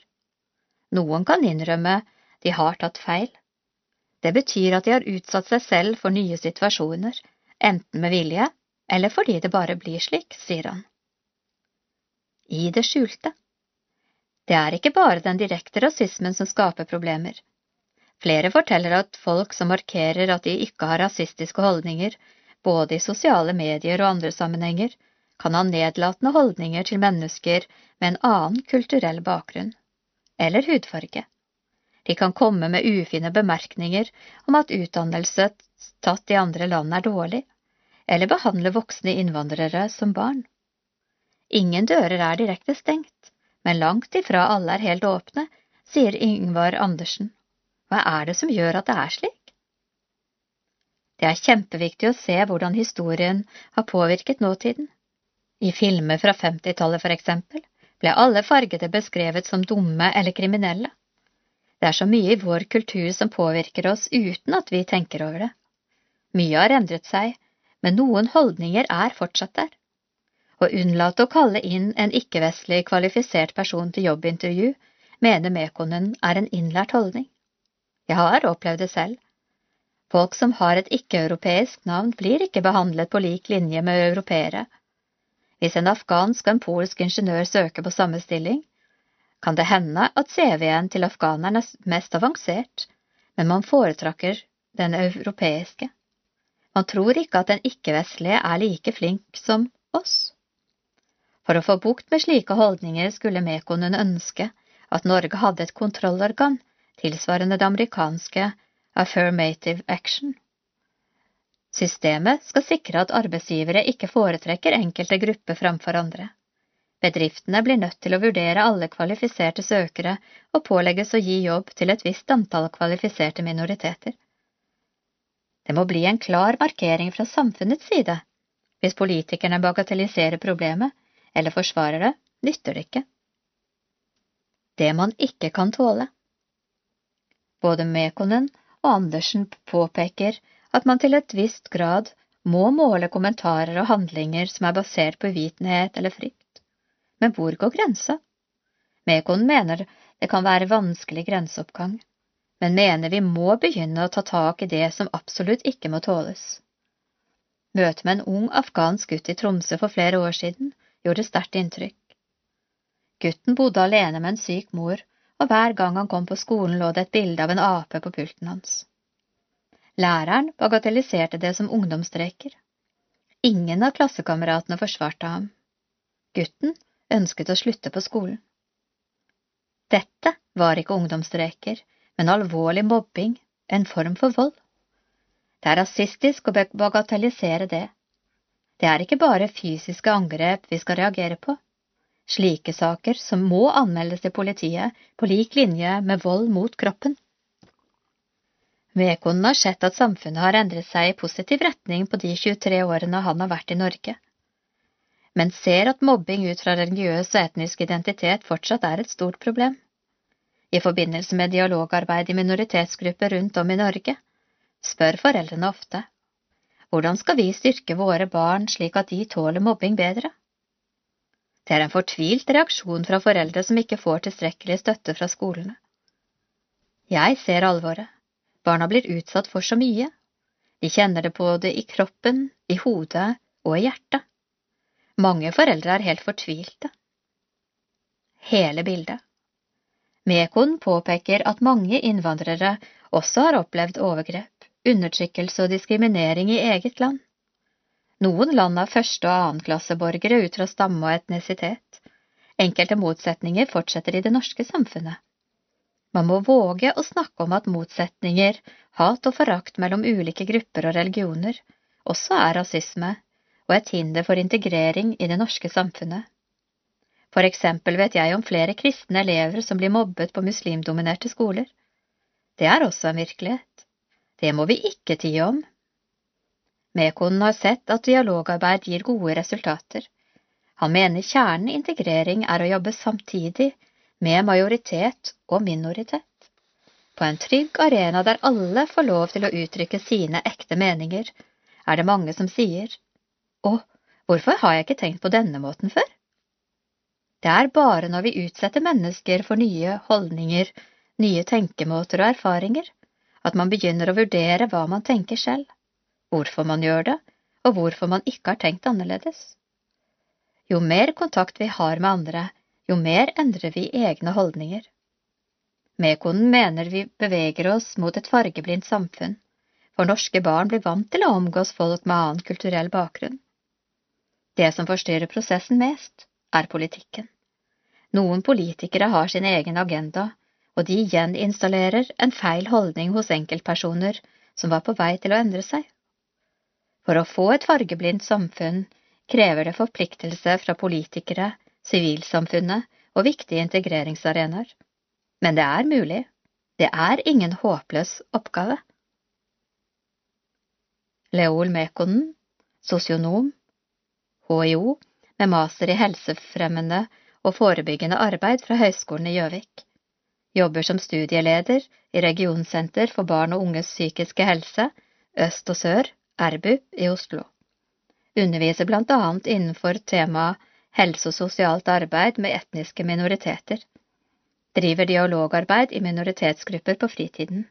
Fra Etiopia, kom som flyktning til Norge for 23 år siden. Sammen på Akerselva. Hvor mange kan si at de har rodd under Oslo S i en gammel trebåt og gått i land på en bondegård midt i asfaltjungelen? Tekst Ingebjørg M. Lyster.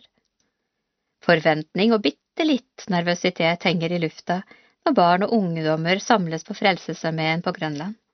I dag skal de på rotur i trebåter på Akerselva, og regnet øser ned.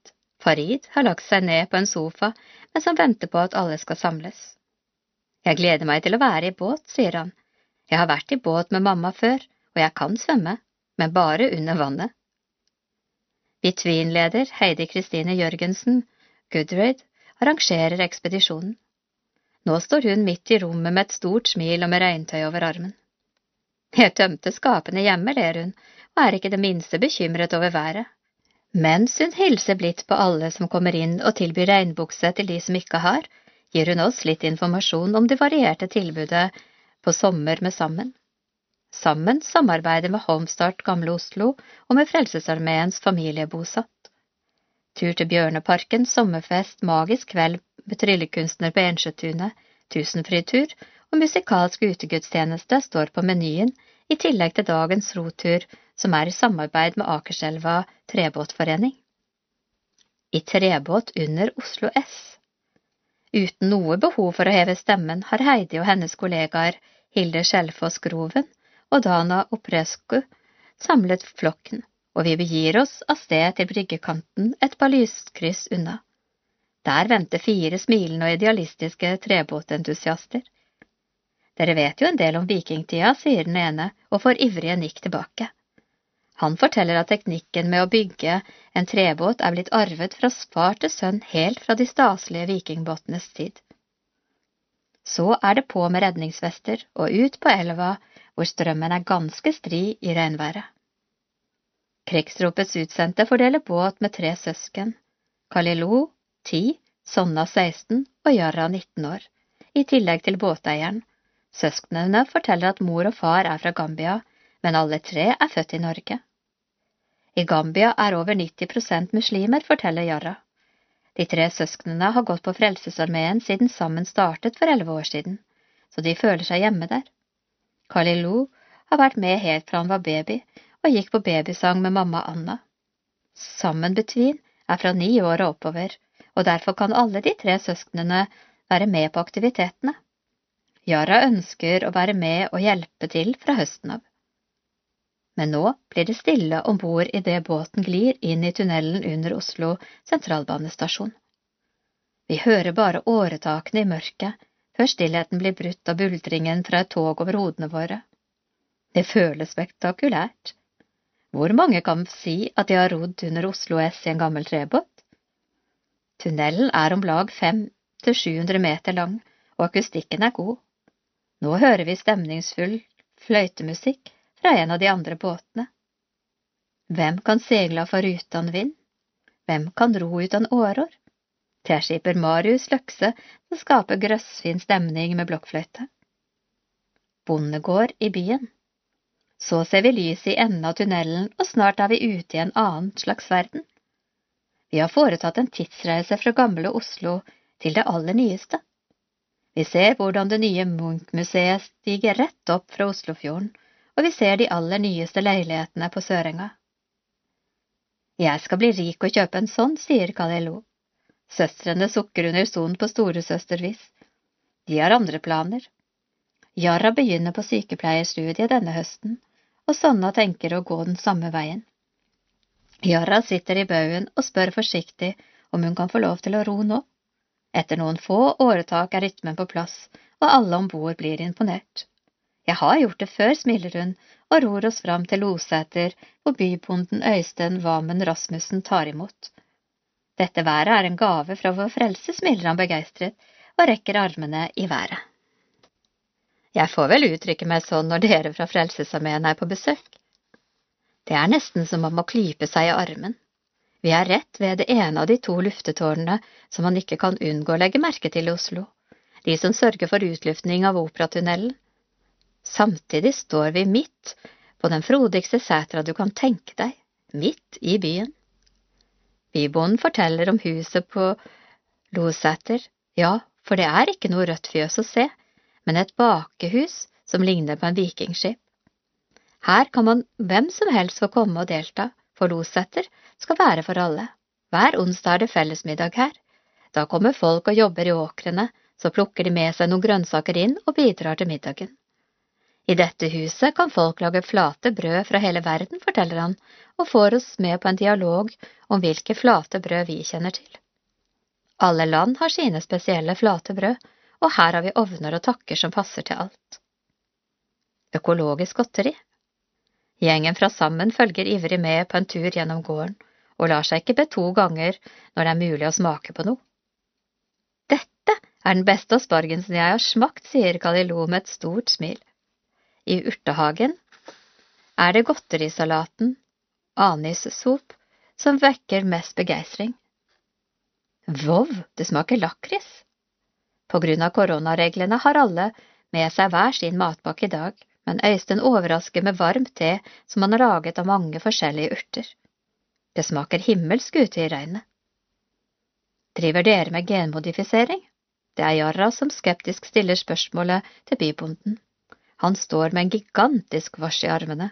Nei, her driver vi med økologisk landbruk, forsikrer han.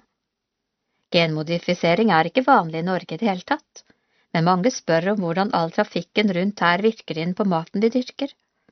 I løpet av de årene vi har holdt på her, har vi ikke sett spor av dette i frukten og grønnsakene. Vi har heller ikke oppdaget forurensning i jordsmonnet. Men dette er noe vi holder et øye med hele tiden, vi tar jevnlige prøver. Som en tryllekunstner trekker Øystein grønnsaker opp av jorda. Gulrøttene i gult, lilla og hvitt imponerer barna.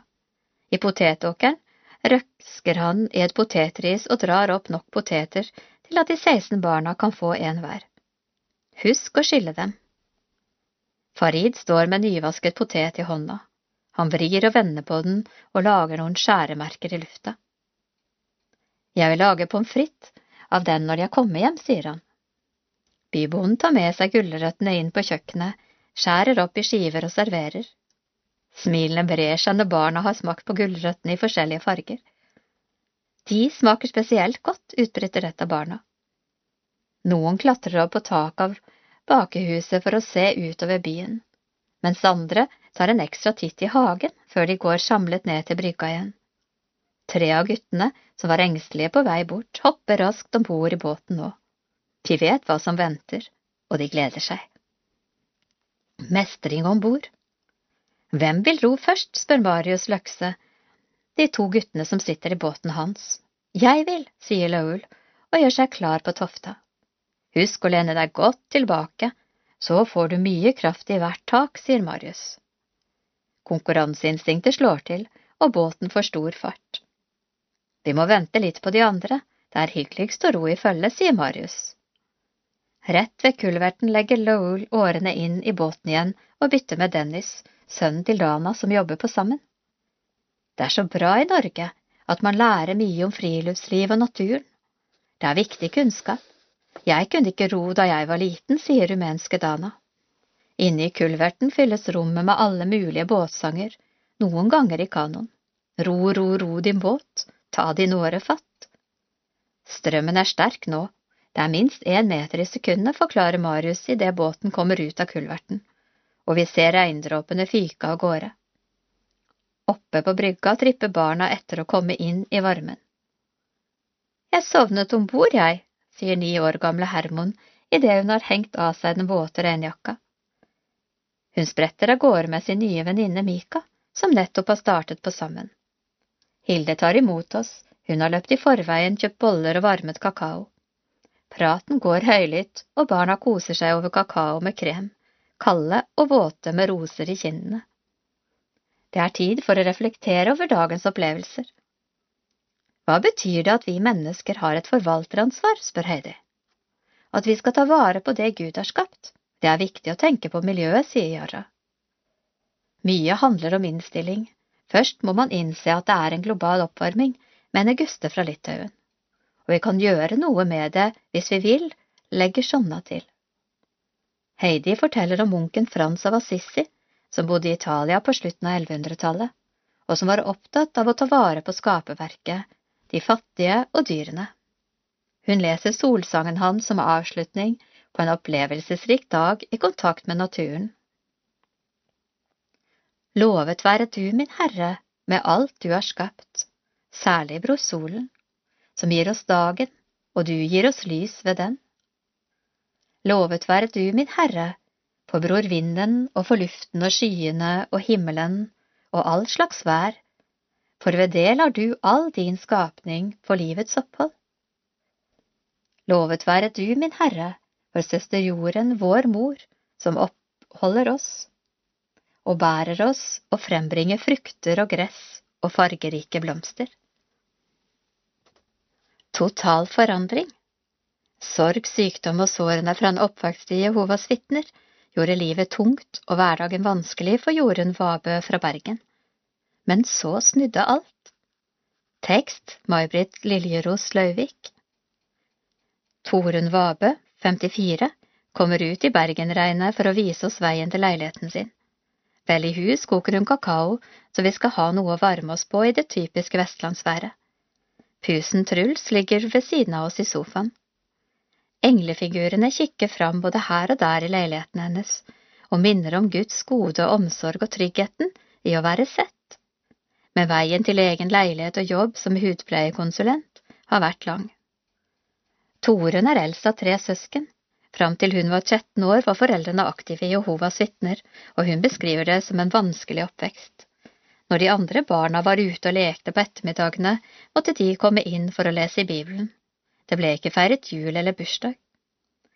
Mormor og morfar kom med gaver, men min far kastet dem, forteller Torunn. Oppveksten ble preget av så mange vonde følelser og så mye mobbing at hun til slutt utviklet posttraumatisk stressyndrom. Fra 16-årsalderen var hun likevel på leit etter Gud, en Gud som var god, en Gud som var annerledes enn den hun hadde fått beskrevet i barndomsårene.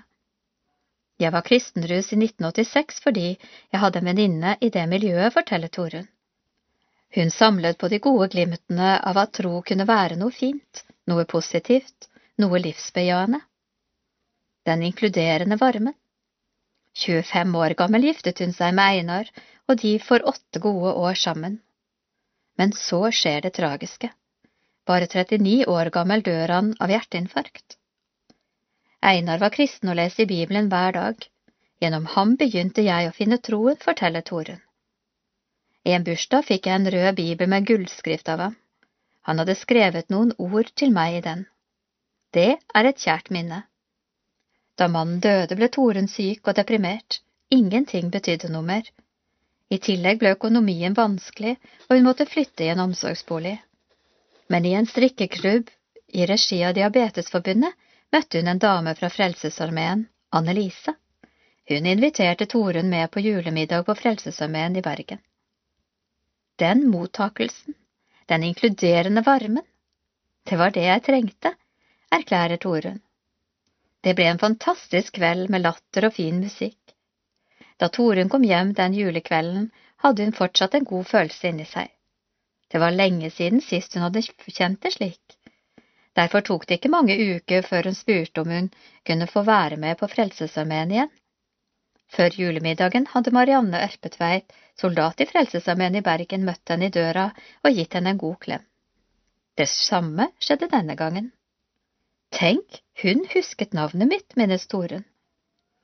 En av grunnene til at jeg velger Frelsesarmeen framfor en annen kirke, er at alle hilser og spør hvordan det går. Dessuten gjør de noe mer enn bare preke. Til dem kan man komme som man er. Du får både suppe, såpe og frelse. Frelsen er så god, sier hun. Utover våren 2013 gikk Torunn fast på hjemforbundsmøtene i Ladegården korps, nærmiljøkirke, i Bergen. Hjemforbundet er Frelsesarmeens verdensomspennende kvinneorganisasjon. Den hviler på stolpene undervisning, fellesskap, gudstjeneste og tjeneste. Mottoet er Kristus inn i alle hjem. Etter møtet med det hun omtaler som godhjertede mennesker på Frelsesarmeen, kom troen sigende. En dag Marianne var på besøk hos meg, spurte hun om jeg ikke kunne tenke meg å bli medlem i Frelsesarmeen og mer aktiv. Jeg var ikke i tvil om at det var her jeg hørte hjemme, og jeg var ikke i tvil om at jeg hadde tro, forteller Torunn. Hun sa ja, med glede.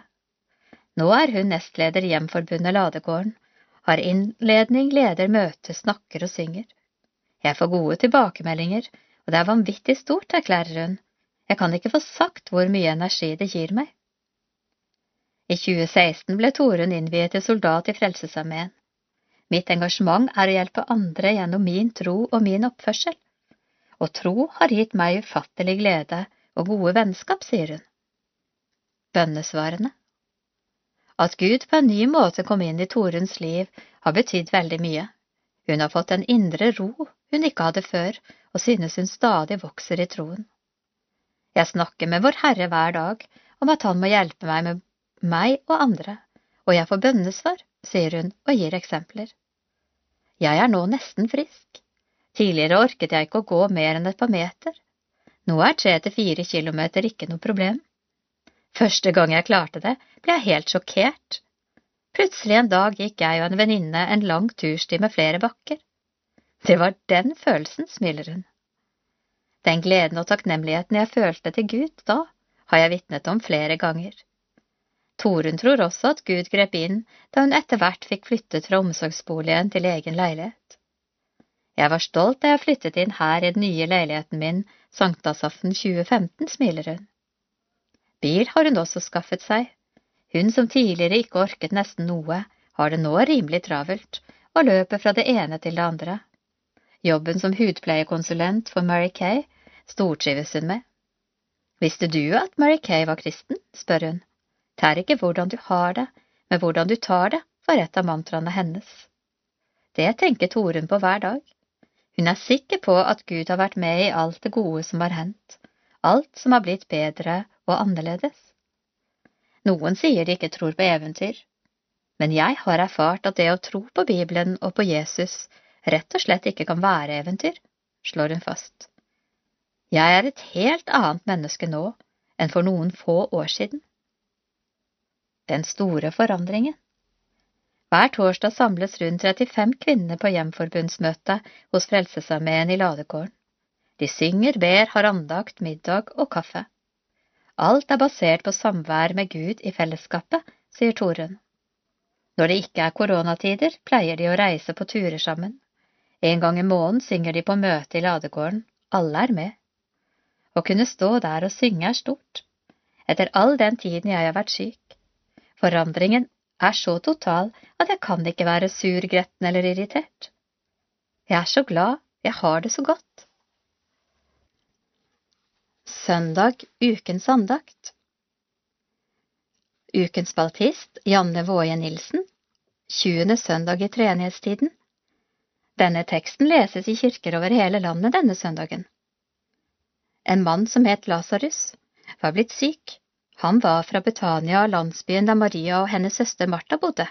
Det var Maria som salvet Herre med fin salve og tørket føttene hans med håret sitt.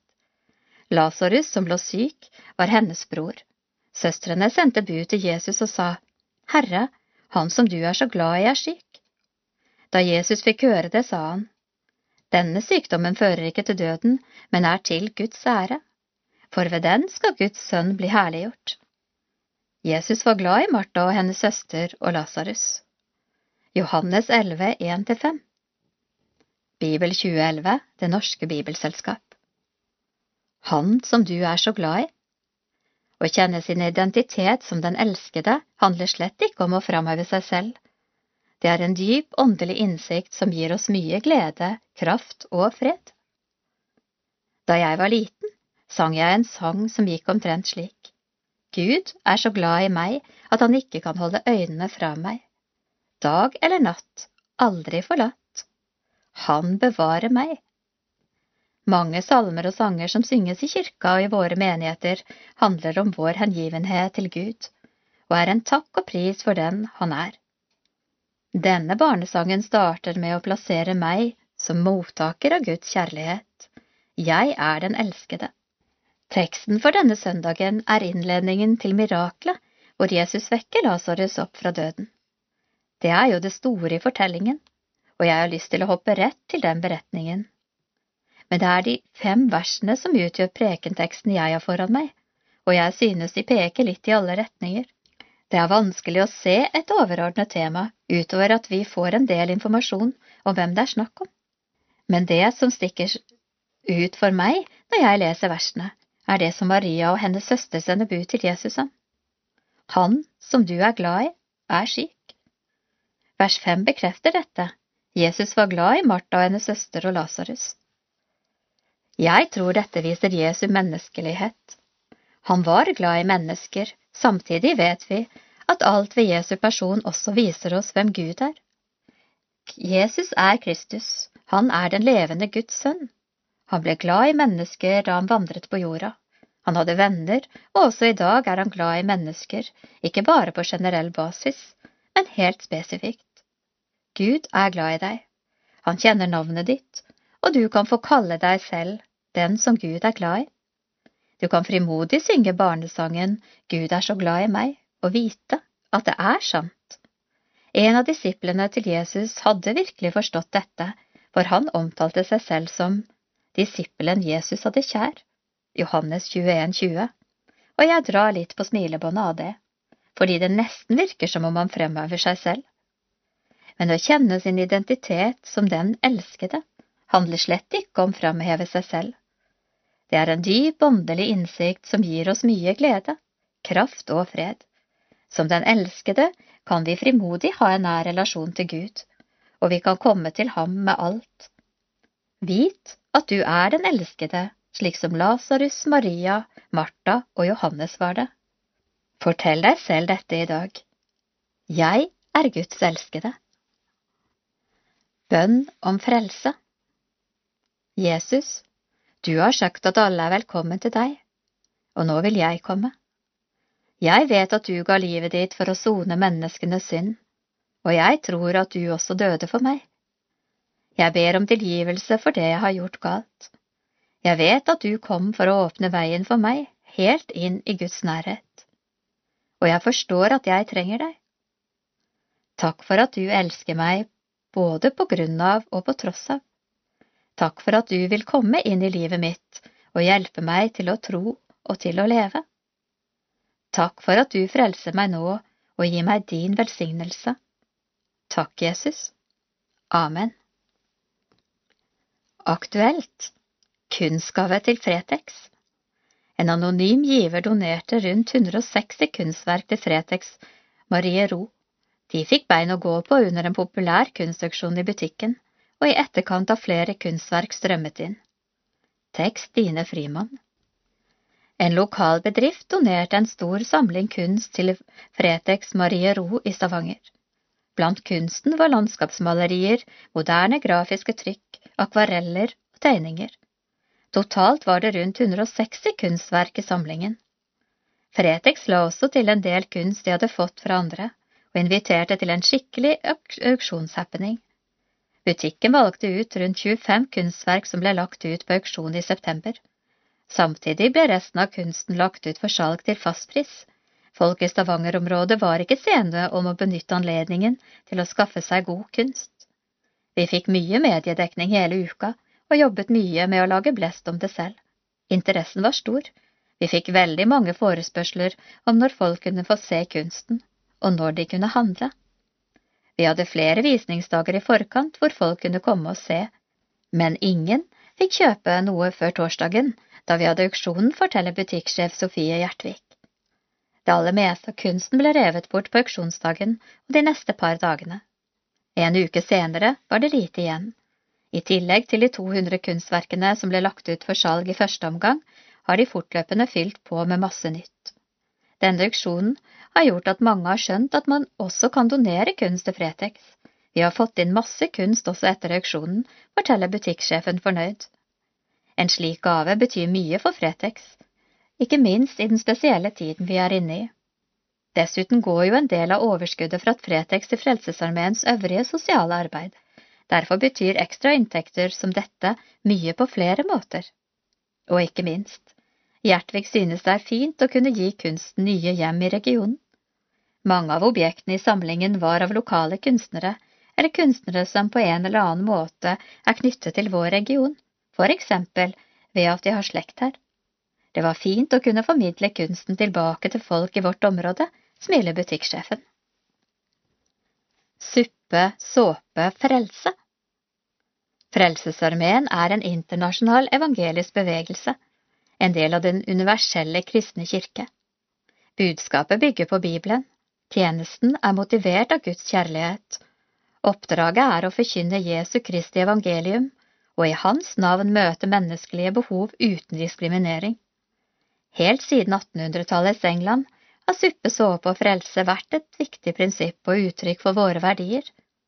Tanken om at vi har både fysiske, psykiske og sosiale og åndelige behov, er like aktuell i dag.